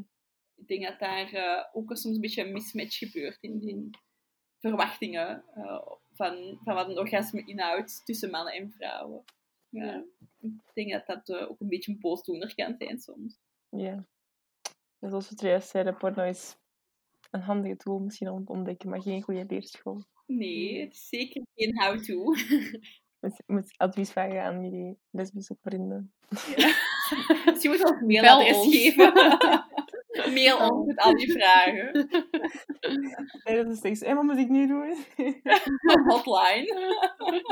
U bent hier. Zo'n Google Maps maar en zo voor vrouwen. U bent 2 centimeter van de clitoris verwijderd. Zo warm, warmer. Maar dat is nog zoiets, hè. Veel, veel mannen vinden de clitoris niet, of hebben toch geen volledig beeld wat, een clitoris, allee, wat de clitoris is, waar het zich bevindt, en, en wat ze ermee moeten doen. Hey. Ja, een vriendin van mij vind ik altijd het beste verhaal. ehm, ik denk niet als ze boos gaat zijn als ik deze niet vertel. Ik ik zal het al wat anoniem houden. Ik wat. hij had een, had een fuckbuddy. ehm en eh, het was niet dat hij een, een sukkelige kerel was dat je verwacht, oké, die heeft nu niet zoveel partners gehad. En eh, het, ze waren een beetje een voorspel aan het doen, en getting frisky. En de jongen had zijn, zijn hand wat onder haar navel. En was er wat cirkeltjes aan het draaien. en zij voelt dit goed. Waardoor zij dacht, eh, nee, obviously niet. je bent nog ver verwijderd van, van mijn intieme zones. Ja, die jongen was echt verbaasd dat het niet aan het werken was. Dus, uh, maar het dan was hier zo. Ja. Ik denk dat er toch wel iets mis is als... Uh... Ja, het begint allemaal met de sekseducatie die mm -hmm. al niet bestaand is eigenlijk. Ja, zeker voor het En heb je ooit clitoris daar horen vallen? Dat is zo alleen met biologie. Als je Ja. zo de, de schemaatjes moet leren kennen van zo de penis en de vagina. En is hier zo, oh, dat, dat is de clitoris, maar dat wordt zo Dat is helemaal niet waar, hoor. Want veel mensen zeggen dat de clitoris dus enkel... Ja. Dat, dat, knopje Het is. het erfje dat zich eh, helemaal van boven bevindt. Ehm, maar dat is helemaal niet waar, want dat loopt nog helemaal door. En eigenlijk zo een, een, ja, een, Een wishbone. ja, een wishbone, eh, een windspeenvorm. Ja. Windspeen. ja, ja, een windspeenvorm. Die dan nog eh, doorloopt tot, tot onder je, je grote schaamlippen zelfs. Ehm, waardoor dat dus als je, sommige vrouwen dan, als je penetratieve seks hebt of een vrouw vingert en, en je raakt dus bepaalde binnenkanten, ehm, dat je eigenlijk nog altijd de clitoris raakt. En dat er dus eigenlijk geen verschil is tussen een, een echt vaginaal orgasme en een clitoraal orgasme. ehm, en dat het eigenlijk nog altijd hetzelfde is, maar gewoon een andere hoek. En voor sommige vrouwen werkt die hoek en voor anderen niet. Ehm, maar ja, dat is dus blijkbaar nog altijd dat mensen denken dat dat mini-knopje, dat is het. Dat is het. Is veel groter, ja. Ik vind het altijd zo shocking. Dat is zo, ah ja, dat mini... Dan denk ik, ja, dat is een deel van je clitoris, dat weet je toch. Het loopt nog verder uit. Maar niet alleen mannen weten dat niet, maar Nee, ook vrouwen kennen hun eigen lichaam ook Ja. totaal niet in veel gevallen. hè. Ja, maar dat niet aangemoedigd wordt, hè. Nee. Ja, van, doe iets met je lichaam. Verkennen, dat wordt niet echt... eh, Bij mannen zeggen dat wel snel, maar bij vrouwen eerder niet. Wacht op de juiste man of vrouw en die zal het wel doen met jou. Maar Oh, een rijmpje. Dat is ook nog een goeie. slogan van ons nieuw boek.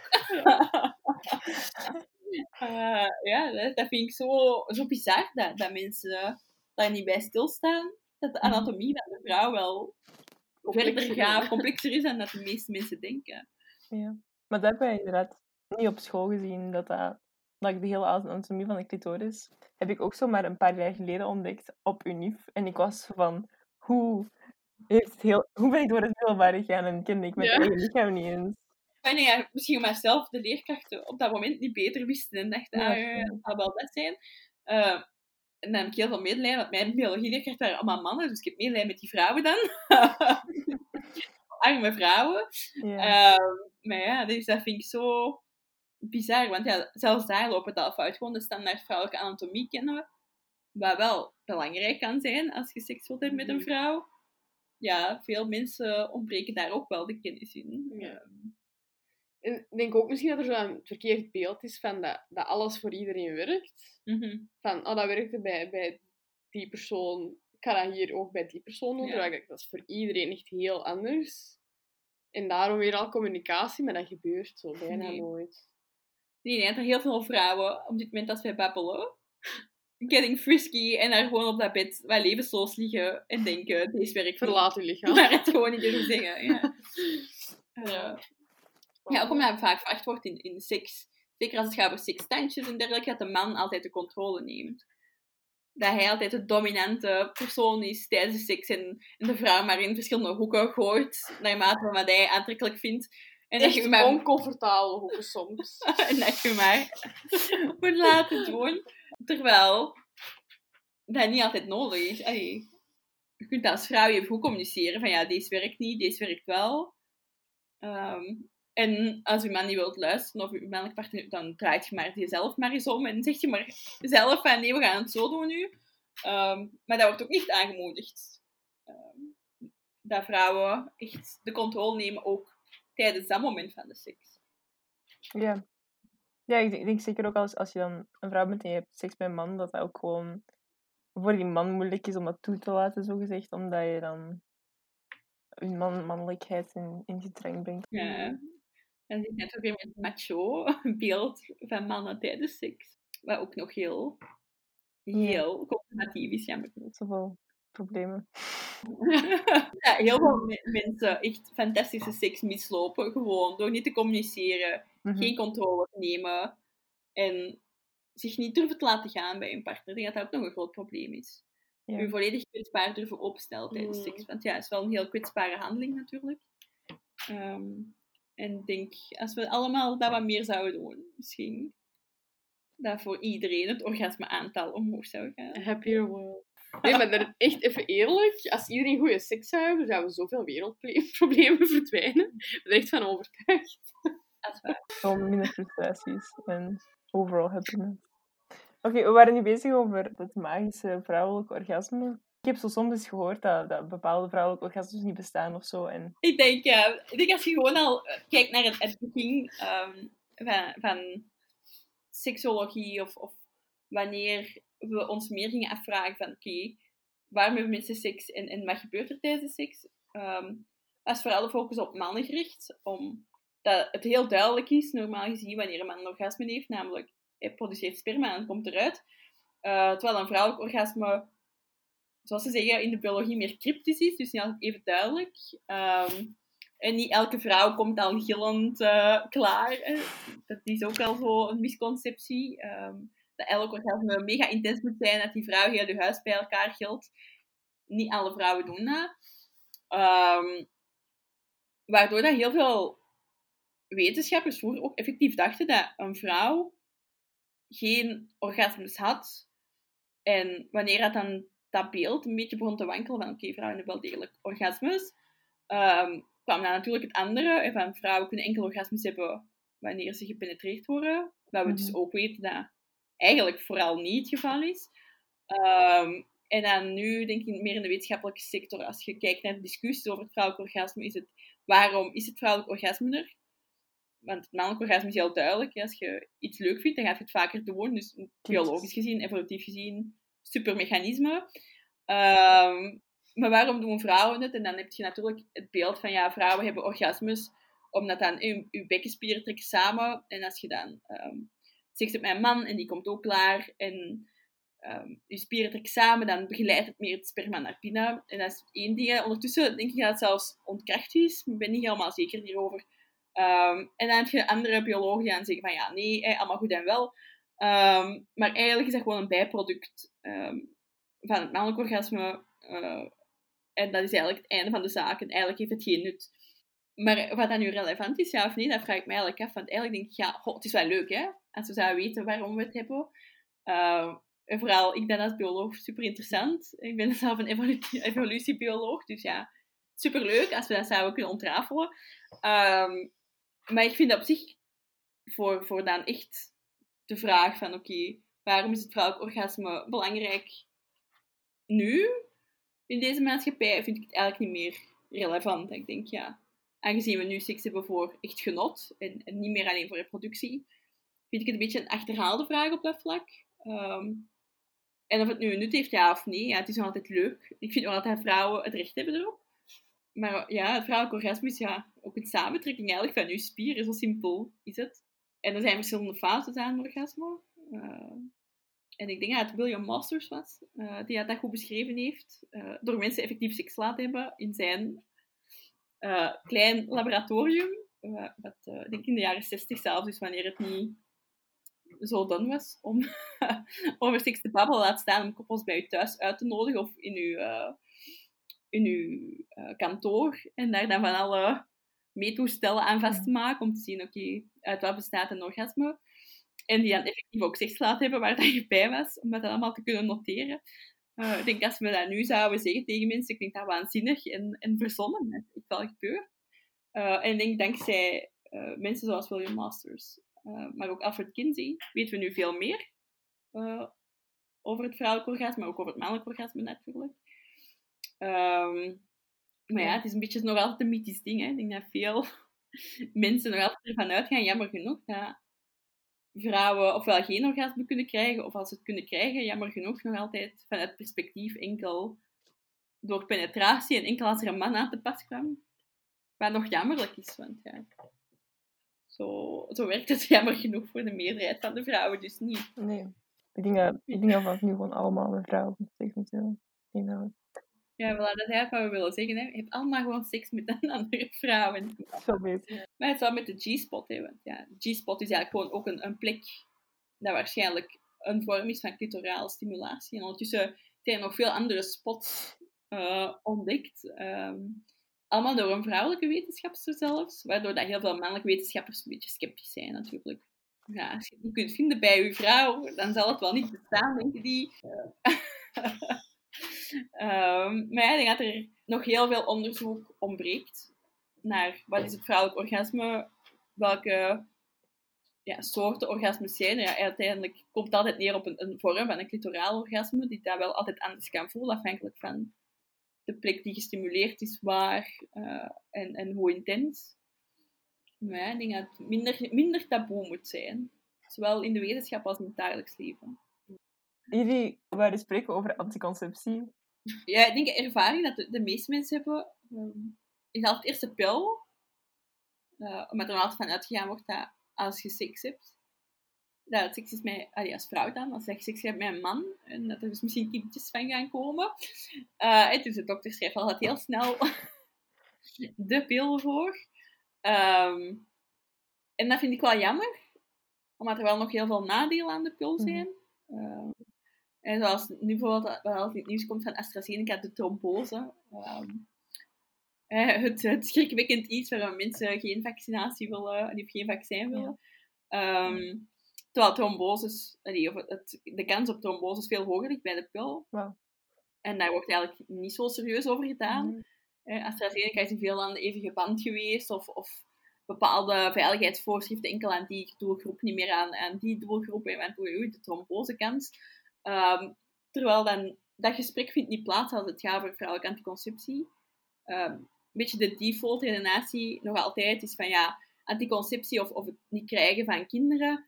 Um, de schuld ligt daarbij bij de vrouw en de verantwoordelijkheid ligt bij de vrouw. Dus zij moet maar anticonceptie gebruiken.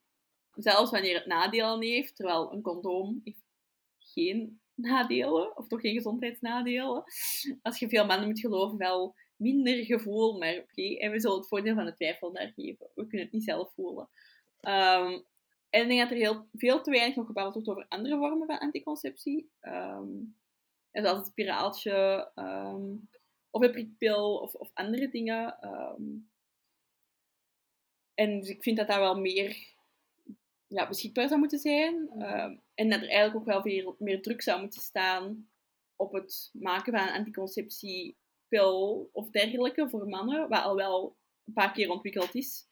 Uh, begrijp niet verkeerd, er is wel degelijk uh, onderzoek naar gedaan, maar elke keer wordt dat afgewezen. Uh, dus blijkbaar vinden mannen, ik weet niet meer, het was een of andere belachelijke bijwerking, um, helemaal niet zo erg als een trombose. Um, en dat was goed genoeg dat het afgekeurd werd als, als anticonceptie. Terwijl bij vrouwen, ik weet niet wat er, wanneer het te ver zou gaan voor bijwerkingen, dat ze zouden zeggen, we keuren het af. Uh, maar die grens ligt eigenlijk veel, veel hoger. Maar we hebben daar toch zo'n heel klein op Netflix zo explained over gezien. En daar was dan toch ook zo voor veel verschillende pilletjes ontwikkeld dan voor vrouwen, waar veel vrouwen bij gestorven zijn, maar dat helemaal niet veilig was. En dan, zoals dat gezegd, waren er ook even voor mannen ontwikkeld, dat was er zo één minimale bijwerking. Ja. En werd dat zo afgeschreven, terwijl er wel zo veel vrouwen gestorven zijn. Ja. Dus, uh, ja. Ik heb een goede slogan anticonceptie, more like misconceptie. nee, sorry. Maar uh, ja, het is, het is inderdaad, er wordt zo gefocust dat, dat, vrouwen allemaal maar voorzorgsmaatregelen moeten nemen, terwijl het is een beetje, dat kan een beetje in tegemoet ja. komen, denk ik. Het ligt niet, de verantwoordelijkheid ligt bij beide partijen. Ja. Dus, ja. ja.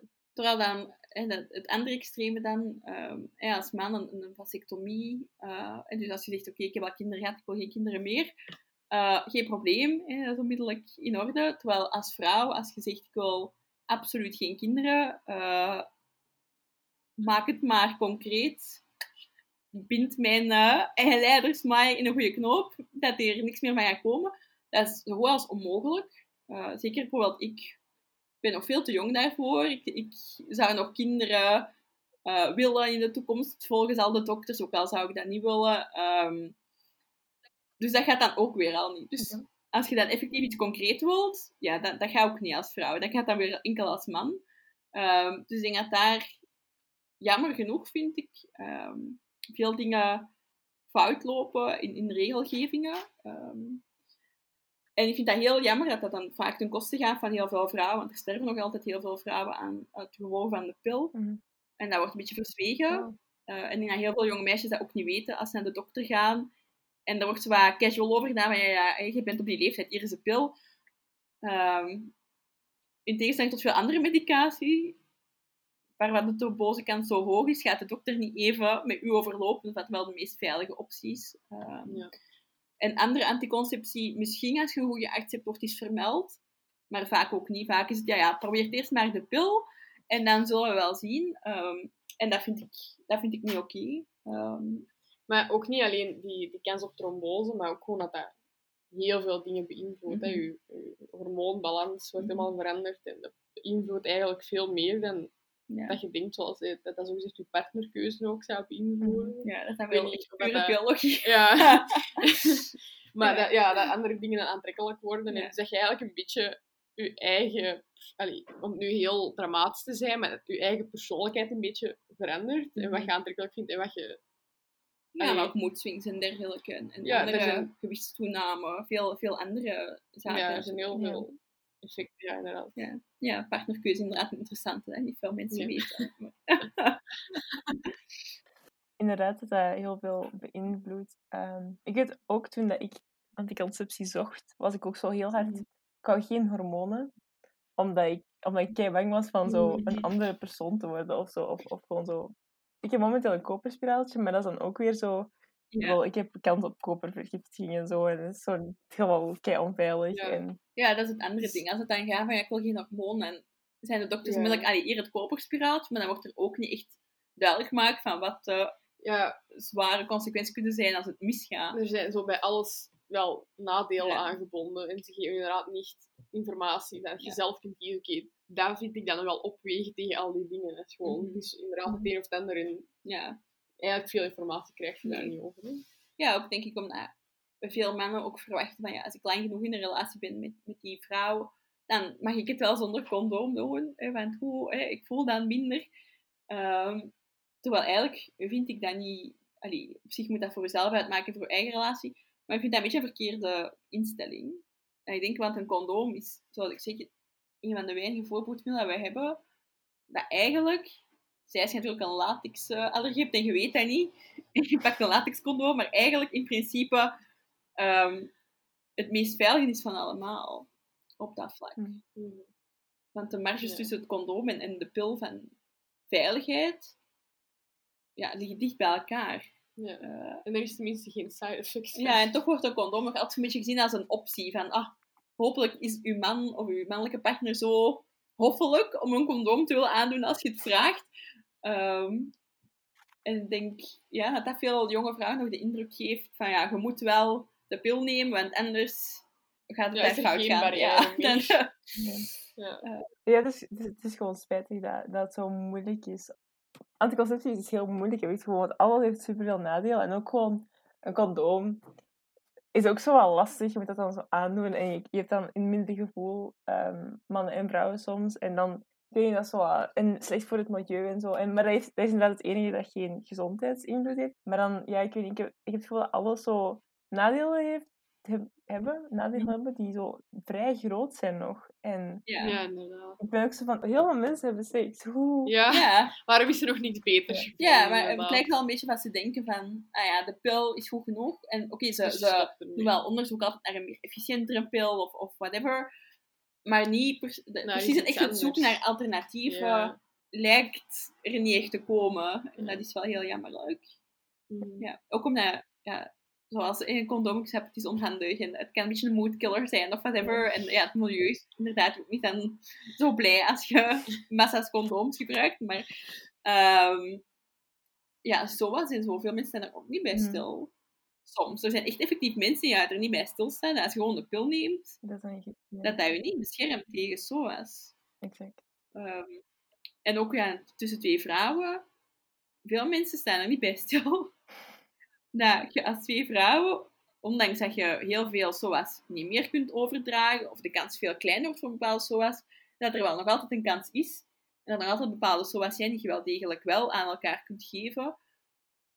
En als je dus losse contacten hebt en ja, je bent dus niet zeker over, de, de, eh, over zo wat vrij je partner is of, of jijzelf, dat er wel degelijk anticoncepties gericht naar, naar vrouwen die seks hebben met vrouwen. En dat vind ik ook dan weer al shocking, dat ondanks dus al die seksu seksdagen, seksweken op school, Ja, zoveel nu ook weer. dat, Die ene. dat mensen toch nog altijd niet weten dat dat ook bestaat. Ja. Ik wist dat niet. Tot nu. Hè. Alsjeblieft. Ja, alsjeblieft. Dankjewel. En zoiets eh, als een vingercondoom voor, voor vingeren. ehm, en wat gewoon veiligheid kan zijn voor overdragen van bijvoorbeeld ehm genitale herpes, eh, is een voorbeeld. Of gewoon bacteriën. Of bacteriën. hè, want ja, inderdaad, je kunt heel wat infecties krijgen, gewoon omdat je misschien speeltjes gebruikt en deelt met, met je vrouw of partner. En je bent dan zelf ook een vrouw en dat gaat van het een naar het ander. Ja, Ja. Elke vaginale flora is anders. En je kunt echt wel enorme infecties krijgen van daar niet veilig mee om te gaan. Uh, dus het delen van speeltjes is oké als je dat ertussen altijd wast en hygiënisch. Of je trekt er een condoom over van de een naar de andere partner, een ander condoom. Dat, dat is ook prima als dat gaat. Ehm, maar ja, daar wordt niet echt veel over gezegd. Ja, echt veilig zijn in Ja. iets anders dan gewoon een pure heteroseksuele relatie. Ja, precies of je, er zo... Dat bestaat niet meer. Zo. Ja. Oh, je hebt geluk, vent. Ja, maar als het dan gaat over twee mannen, ja, daar wordt wel meer op ingezet. En dan, door dan hè, de, de Ja. AIDS-crisis eh, wordt wel gezegd van ja, condooms en, en PrEP en eh uw testen. En, maar tussen twee vrouwen wordt er precies een beetje over gezwegen. Van ja, Mhm. het zou wel oké zijn, terwijl er is wel nog altijd een kans. Ehm, en je hebt ook dat, dat befflapje gedaan, hè, als je je, vrouw partner wilt beffen. Ehm, ja, er is echt heel veel. Maar ook hè, voor, voor mensen in eh, heteroseksuele relaties, die dan ook seksspeeltjes delen, wat ook het geval kan zijn. Ja, daar moet je ook wel voor opletten natuurlijk. Want zo kun je ook dingen overdragen. Eh, hetzelfde seksspeeltje gebruiken met verschillende partners kan ook. Eh, of van eh, anale seks naar vaginaal seks switchen met dezelfde vibrator of dildo is geen goed idee. Allee, tenzij als je echt een erge infectie wilt daar beneden, niet doen alsjeblieft. Was dat eerst, prik er een condoom weer al rond, doe iets, maar doe het niet zo. Eh, ja, dat vind ik... eh, ja, ik denk dat daar heel weinig kennis soms over is. Ja, het is zo precies alleen maar als je echt uren op het internet van alles gaat opzoeken en met mensen dat dat dan wel ervaring hebben of zo, ga, dat je dat dan pas te weten komt. Terwijl, het is niet dat ze dat zo meegeven of zo. Nee. Zo allemaal dingen zeggen zo weet, te weten komt, maar er zijn veel mensen dat dat inderdaad niet weten. Ja. Ja, en zo kun je er veel. Dingen wisselen. Ja. En dat wil je niet daar beneden. Nee, dat is inderdaad. Mensen, ik denk dat mensen heel vaak denken van, ah ja, als je monogaam, monogaam bent in een relatie en dan maakt het niet uit waar je speeltje steekt, dat zal wel fijn zijn. Ja, Eh, en, en dat is niet het geval. Nee, dat is- geen goed idee. Of ja, het niet wassen van seksspeeltjes na Mhm. gebruik. eh, daar hoort je ook wel veel. Dat is ook geen Mhm. goed idee. Want, ja, eh, ondanks dat je wel denkt, dat ik ga wel terug in mij en dat komt van uit mij. Ja, Dat is... eh, ja, je moet wel een beetje hygiënisch blijven. Voor alle bacteriële haarden eh, te vermijden daar. Dus ja, dat... eh, ja, anticonceptie is ook, denk ik... eh, de kennis daarin is, is echt soms heel triestig. ja. Eigenlijk over alles dat we hier al besproken Ja, hebben. dus- bizar toch? Want je gaat toch denken dat heel veel, heel veel mensen hebben seks. Mm, Ja, en dan daarover gesproken, over zo de hele anticonceptie en zo. Gewoon casual seks. Wat denken jullie daarvan? En, Moet kunnen.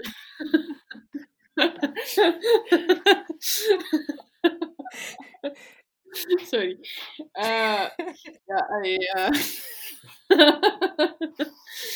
ja, ik heb daar geen ervaring mee. Maar ja, ik denk als dat u- iets is dat u aanspreekt of je wilt dat doen. Of, dat, ik denk dat veel mensen zich misschien, te- allee, vooral vrouwen, misschien zich daardoor laten tegenhouden. Omdat ze dan ja, sneller gewoon bestempeld worden als een hoer. Hè. En als je als, als dat is iets wat jij vaak zei, hè, dat als man word je gehighfived en oh my, weer, weer een grietje gescoord, hè, woe.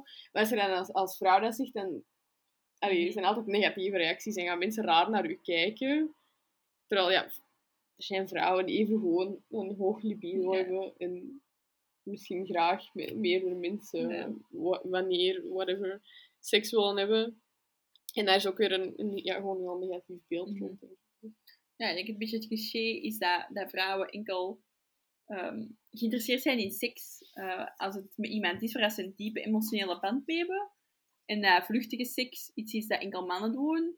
En misschien een paar vrouwen, maar de meerderheid van de vrouwen eigenlijk dat niet interessant vinden. Ehm, wat denk ik al verkeerd is. Ehm, ik denk dat dat absoluut niet nodig is. eh, een diepe emotionele band om seks te hebben. Sommige mensen hebben dat nodig en dat is prima. Maar ik denk niet dat dat een, een algemeenheid is voor, voor enkel vrouwen. Ehm, en ja, waar ik wel vaak op stoot, want ja, als ik niet in een relatie ben, eh, ja, dan ben ik best vrij, denk ik. Eh, ik vind dat ook geen probleem. Als ik iemand aantrekkelijk vind, is wederzijds. Why not, denk ik dan. Mhm. Ehm, en ja, ook het, beeld van dat vrouwen, als ze dan toch zo'n losse contact hebben, dat ze niet gaan kunnen lossen, en dat ze toch contact gaan zoeken met man, weer al eerder van uitgaan dat eenmaal als een vrouw seks heeft gehad eh, met een man of vrouw, dat, dat, ja, dat er is een band gevormd. Ze moet ermee trouwen, anders komt het niet goed. Ehm, wat helemaal niet waar is. Ehm, en ik denk ja, dat inderdaad het stigma dat dan op u geplakt wordt, ehm, als je daar toch openlijk over bent, dan denk ik dat heel veel vrouwen het wel zijn.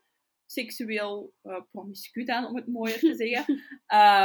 Maar het dan niet voor uitkomen, uit schrik voor, voor dat stigma van Mhm. ehm, ja, gaan, gaan mensen denken dat ik eh, een slet ben? Of gaan, gaan er roddels worden verspreid over mij? Ehm, waar ik veel op botste was dat mannen dachten, omdat ik wel geïnteresseerd soms was in een, in een one-night stand of in een fuckbuddy of whatever, dat dat wou zeggen dat ik voor, allee, voor alle mannen open stond. Terwijl ik denk, ja, nee, ik moet je wel nog altijd aantrekkelijk Mhm. vinden. Deze is niet eh, zoals bij de slagerij, waar dat je een lotje hebt getrokken en nu staat nu. Allee, sorry, maar dat is wel mijn beslissing met wie dat ik seks heb. En als dat voor mij niet gaat werken, ja, sorry, moet je iemand anders vinden. Ja, en dat vond ik altijd heel chockerend. Dat vond ik altijd heel moeilijk om te plaatsen, want allee, je hebt toch wel seks met die? Of, of dan ontstaan de zotste verhalen als je nog maar gebabbeld hebt met iemand van ja, ja, die zal daar wel seks mee hebben gehad, terwijl helemaal niet. Gewoon als ze ervan uitgaan van ja, je hebt al seks gehad met twee jongens, dus nu eh, staat, staat je open voor iedereen, hè. Maar wat dus dikke bullshit is in mijn ogen eh, moeilijk om te vatten soms. Ehm, ja, of dat je ja, gemakkelijk bent, dat ze niet veel moeite moeten doen, ehm, niet kieskeurig, allemaal die zijn komen naar boven. Terwijl ja, als jongen dan, zijt je super cool. we zijn een player, eh, een ditser, zoals hier in Antwerpen zeiden. Ehm, je, kunt, je hebt goede game, en je kunt alle vrouwen in bed lokken. Terwijl heel veel mannen het beeld hebben dat als je als vrouw eh, dan ook een titser bent, dat je meer het passieve eh, individu bent daarin. Mhm. Dat wel een man u zal verleid hebben. Want het is onmogelijk om als vrouw zelf die controle te nemen te denken, maar jij bent aantrekkelijk. Mhm. Ik neem u mee naar huis. Nee, nee, die man zal u wel verleid hebben. Wat dus niet waar was, of toch niet in mijn geval niet waar was. Ehm, ja, en dat vind ik... eh, ja, ik vind dat erg, dat, dat bij mannen het oké is om jezelf te ontdekken, vrij te zijn. Als je single bent in een open relatie of whatever uw afspraak ook is met je partner, ehm, dan ben je mega cool als man, goed bezig. En als vrouw ben je slecht bezig. je zou moeten binden, vrouw aan de haard, je zou in de keuken moeten staan, naar niemand anders moeten kijken. En dan zijt je een topvrouw en als je dat niet doet, dan is er iets mis met je. En ja, ik vind dat jammer. Ik denk dat dat ook ervoor zorgt dat veel vrouwen nog heel, of zich toch soms heel seksueel onderdrukt voelen. En niet altijd doen wat dat ze willen. Mhm. Ehm, op seksueel vlak dan. Ja, ja, dat denk ik ook wel.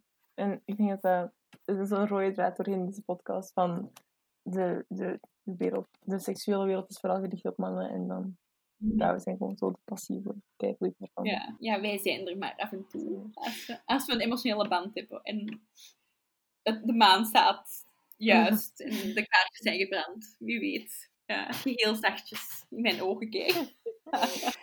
Zijn er, zijn er ehm, lesbische seksmythes die jullie willen ontkrachten? Zijn er. We moeten een nieuwe podcast starten, denk ik. Dat is misschien wel- ja. Ik denk de, de mythe is echt wel scissoring. Hè? Oh my god, ja. Want we, we hebben het getest. We hebben het voor jullie We getest. hebben, we hebben het gefactcheckt. We dachten, is het nu een ding? Ja, nee, want we snapten niet hoe zou dat zelfs iets zijn. En Ja. voor ons toch niet. Het raakt echt niks van wat Nee. het zou moeten raken, hoor. Eh, Ik snap niet hoe het er gekomen is. Ik weet niet wie dat dacht. Allee. Ja, en ik als sommige vrouwelijke koppels of, of partners eh, wel op die manier seks hebben, ik denk dat het echt meer een uitzondering is dan een regel. Het is echt way too much effort voor wat je eruit Dat haalt. is echt moeilijk. Dat is echt moeilijk om al in die. dat is echt moeite de coördinatie alleen al was verschrikkelijk. Echt waar. Het is gewoon al niet waar Ja. Nee, ik denk dat dat echt... te- Ik snap niet waar het uitgekomen Ja. is. Ik weet niet waarom het er is, maar het is echt geen ding. Voor zover ik weet, de, de mensen die we kennen, niemand doet dat. Nee. Ja, en ook dat seks tussen twee vrouwen altijd mega liefdevol is. Ja, zo heel zachtaardig Ja. en heel Ja. gestrelend gefluister. We zijn echt zo voor elkaar arm. Zo. nee, dat is wel echt het, allee, het Mhm. beeld dat mensen hebben van twee vrouwen die seks hebben. Ik denk Ja. dat weinig mensen zich kunnen inbeelden dat je als twee vrouwen echt een volle bak elkaar tegen een kast gooit en gaat. Ik denk dat ze eerder denken dat je zo uh, inderdaad het maanlicht schijnt door het raam, de kaarsjes branden, Ed Sheeran op de achtergrond, zo met zijn meest melige nummers. En je kijkt naar elkaars ogen, je fluistert zo aan, en dan heel zachtjes gaat je naar beneden. Ik denk dat dat wel echt het, het stereotypebeeld is van twee vrouwen die aan seks Ja. hebben. Of zo veel te over de top. Zo, zo, Ja. hè, zoals in de porno, zo, Ja. alles eigenlijk meer voor mannelijk genot. Ja. Je raakt mijn arm aan en ik kreun tot tegen het plafond. Ja. Zo heel hyperseksueel net, Ja. ik ook. Ja, er is zo blij... allee, ik vind heel weinig juiste representatie ja. eh, rond mij. Dat vind ik heel jammer. Ik denk dat dat ook een heel vertekend beeld geeft aan, aan Mhm. jonge vrouwen eh, die daar lesbisch zijn, biseksueel, panseksueel. eh. en ja, dan denk ik, oké, seks met een vrouw. Ofwel moeten we dus Ed Sheeran opzetten, ofwel moet ik mijn nagels, allee, moet ik gelnagels van 5 centimeter laten zitten en vol een bak gaan. Of in die schaarpositie. Of Ja. ik, ja, in die onmogelijke positie. Ja. Ja, of hoe dat, de meeste, de, de vraag die wij altijd krijgen. Hoe hebben jullie Hoe hebben jullie seks? Dat is de vraag. En ik denk dat is erg dat je dat niet weet. Gegarandeerd. Elke keer als we ergens nieuw zijn en mensen komen erachter dat wij een koppel zijn, Ja. is altijd de vraag, hoe hebben jullie seks? Wat ik al bizar vind, want... Allee, Zou je dat ook niet moeten weten. ik vraag dat nu niet aan andere mensen. Ehm, maar ja, ik denk dat, dat veel mensen lijken te vergeten dat vingeren, beffen, het gebruik van seksspeeltjes als je dat wilt, ehm, maar ook dat je als je een vrouw vingert, dat er verschillende standjes mogelijk zijn. Veel mensen lijken dat niet te kunnen bevatten.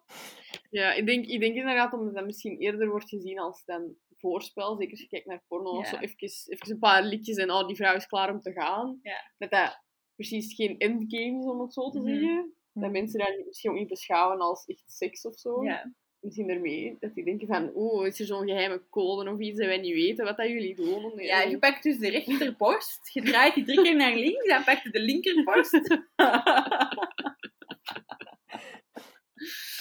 Ja. Zo'n hek. ja, ik denk, ja, er zijn wel echt best veel mythes, hè. Of, Mhm. ja, het is echt eh, moeilijk om bij te houden soms. Je krijgt echt heel veel vragen naar u gegooid. Nog nooit heb meegemaakt als iemand zegt, ik ben hetero.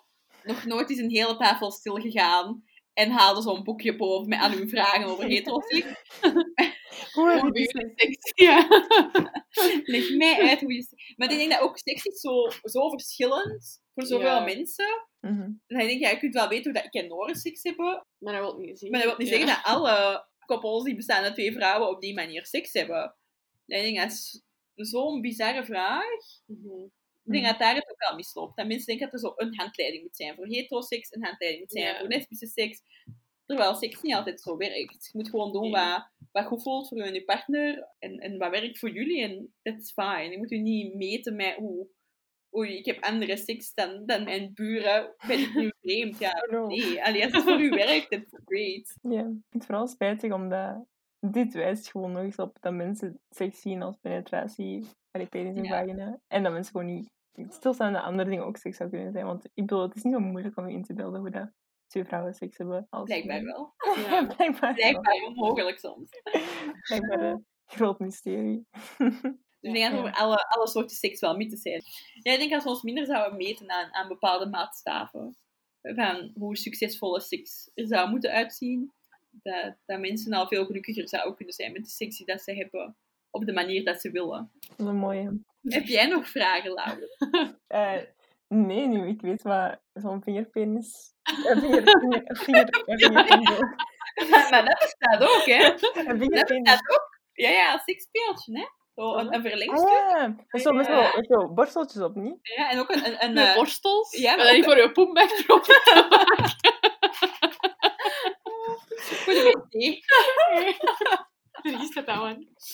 Nee, maar ja, er is ook een, een eh, vingervibrator. Allee, er is echt Ja. wel veel Ja, out er there. is Als je gewoon met. Inderdaad veel. Ja, dat is veel. Dus ja, er is, er is veel om rond je vinger te doen, hoor, Laura. Als Ja. je dat aan je aanspreekt. Ja, ik heb precies zo wel zo'n zo'n attractie naar. Ga dat eens onderzoeken. Mijn nieuwe Ja. vinger. ah, ja, nee. Ehm, nee, nu, ik weet dat vinger, een vingercondoom is al mijn vragen beantwoord. Ik ben dat is al ik Nee. moest weten. alles wat ik weten, ja. Nee, is er nog iets dat jullie willen zeggen tegen mensen die aan het luisteren zijn en misschien zich afvragen hoe ze seks moeten hebben of, of verdwaald zijn in alle mythes en porno en ze zijn van... "Eh." Ja. Ik denk gewoon, doe waar dat je comfortabel bij voelt, met wie dat je comfortabel voelt, wanneer dat je comfortabel voelt en op de manier dat je zelf wilt. Eh, en eh, dat, ja, ik weet niet, er is geen algemeen Ja. info slogan dat ik hiervoor kan geven, denk ik. maar gewoon minder zorgen over moet Ja. maken, denk ik. Van, dat is niet zo'n big deal als dat iedereen het altijd doet uitschijnen. Misschien, allee, voor sommige mensen misschien wel, Mhm. maar ja, gewoon heb seks, go have fun. doe het veilig, doe het goed. Ah, en ik gewoon trek niet te veel aan van alles wat je leest op het internet, eh, porno, whatever, dat je allemaal opzoekt. Omdat dat heel veel informatie is, heel veel tegenstrijdige informatie en uiteindelijk ook heel veel foute informatie. Ehm, en ja, als het gewoon werkt voor jezelf, als je het met jezelf doet, that's fine. Eh, als het werkt voor, voor jou en partner of partners, hè, afhankelijk van welke setting, eh, ja, dan doe je het sowieso niet verkeerd en moet je je geen zorgen maken. Ja, mooi. Helemaal mooi. Dank jullie wel. Alsjeblieft.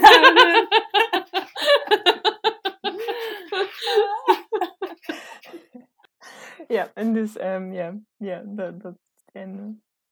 Tada. Bye. Joe.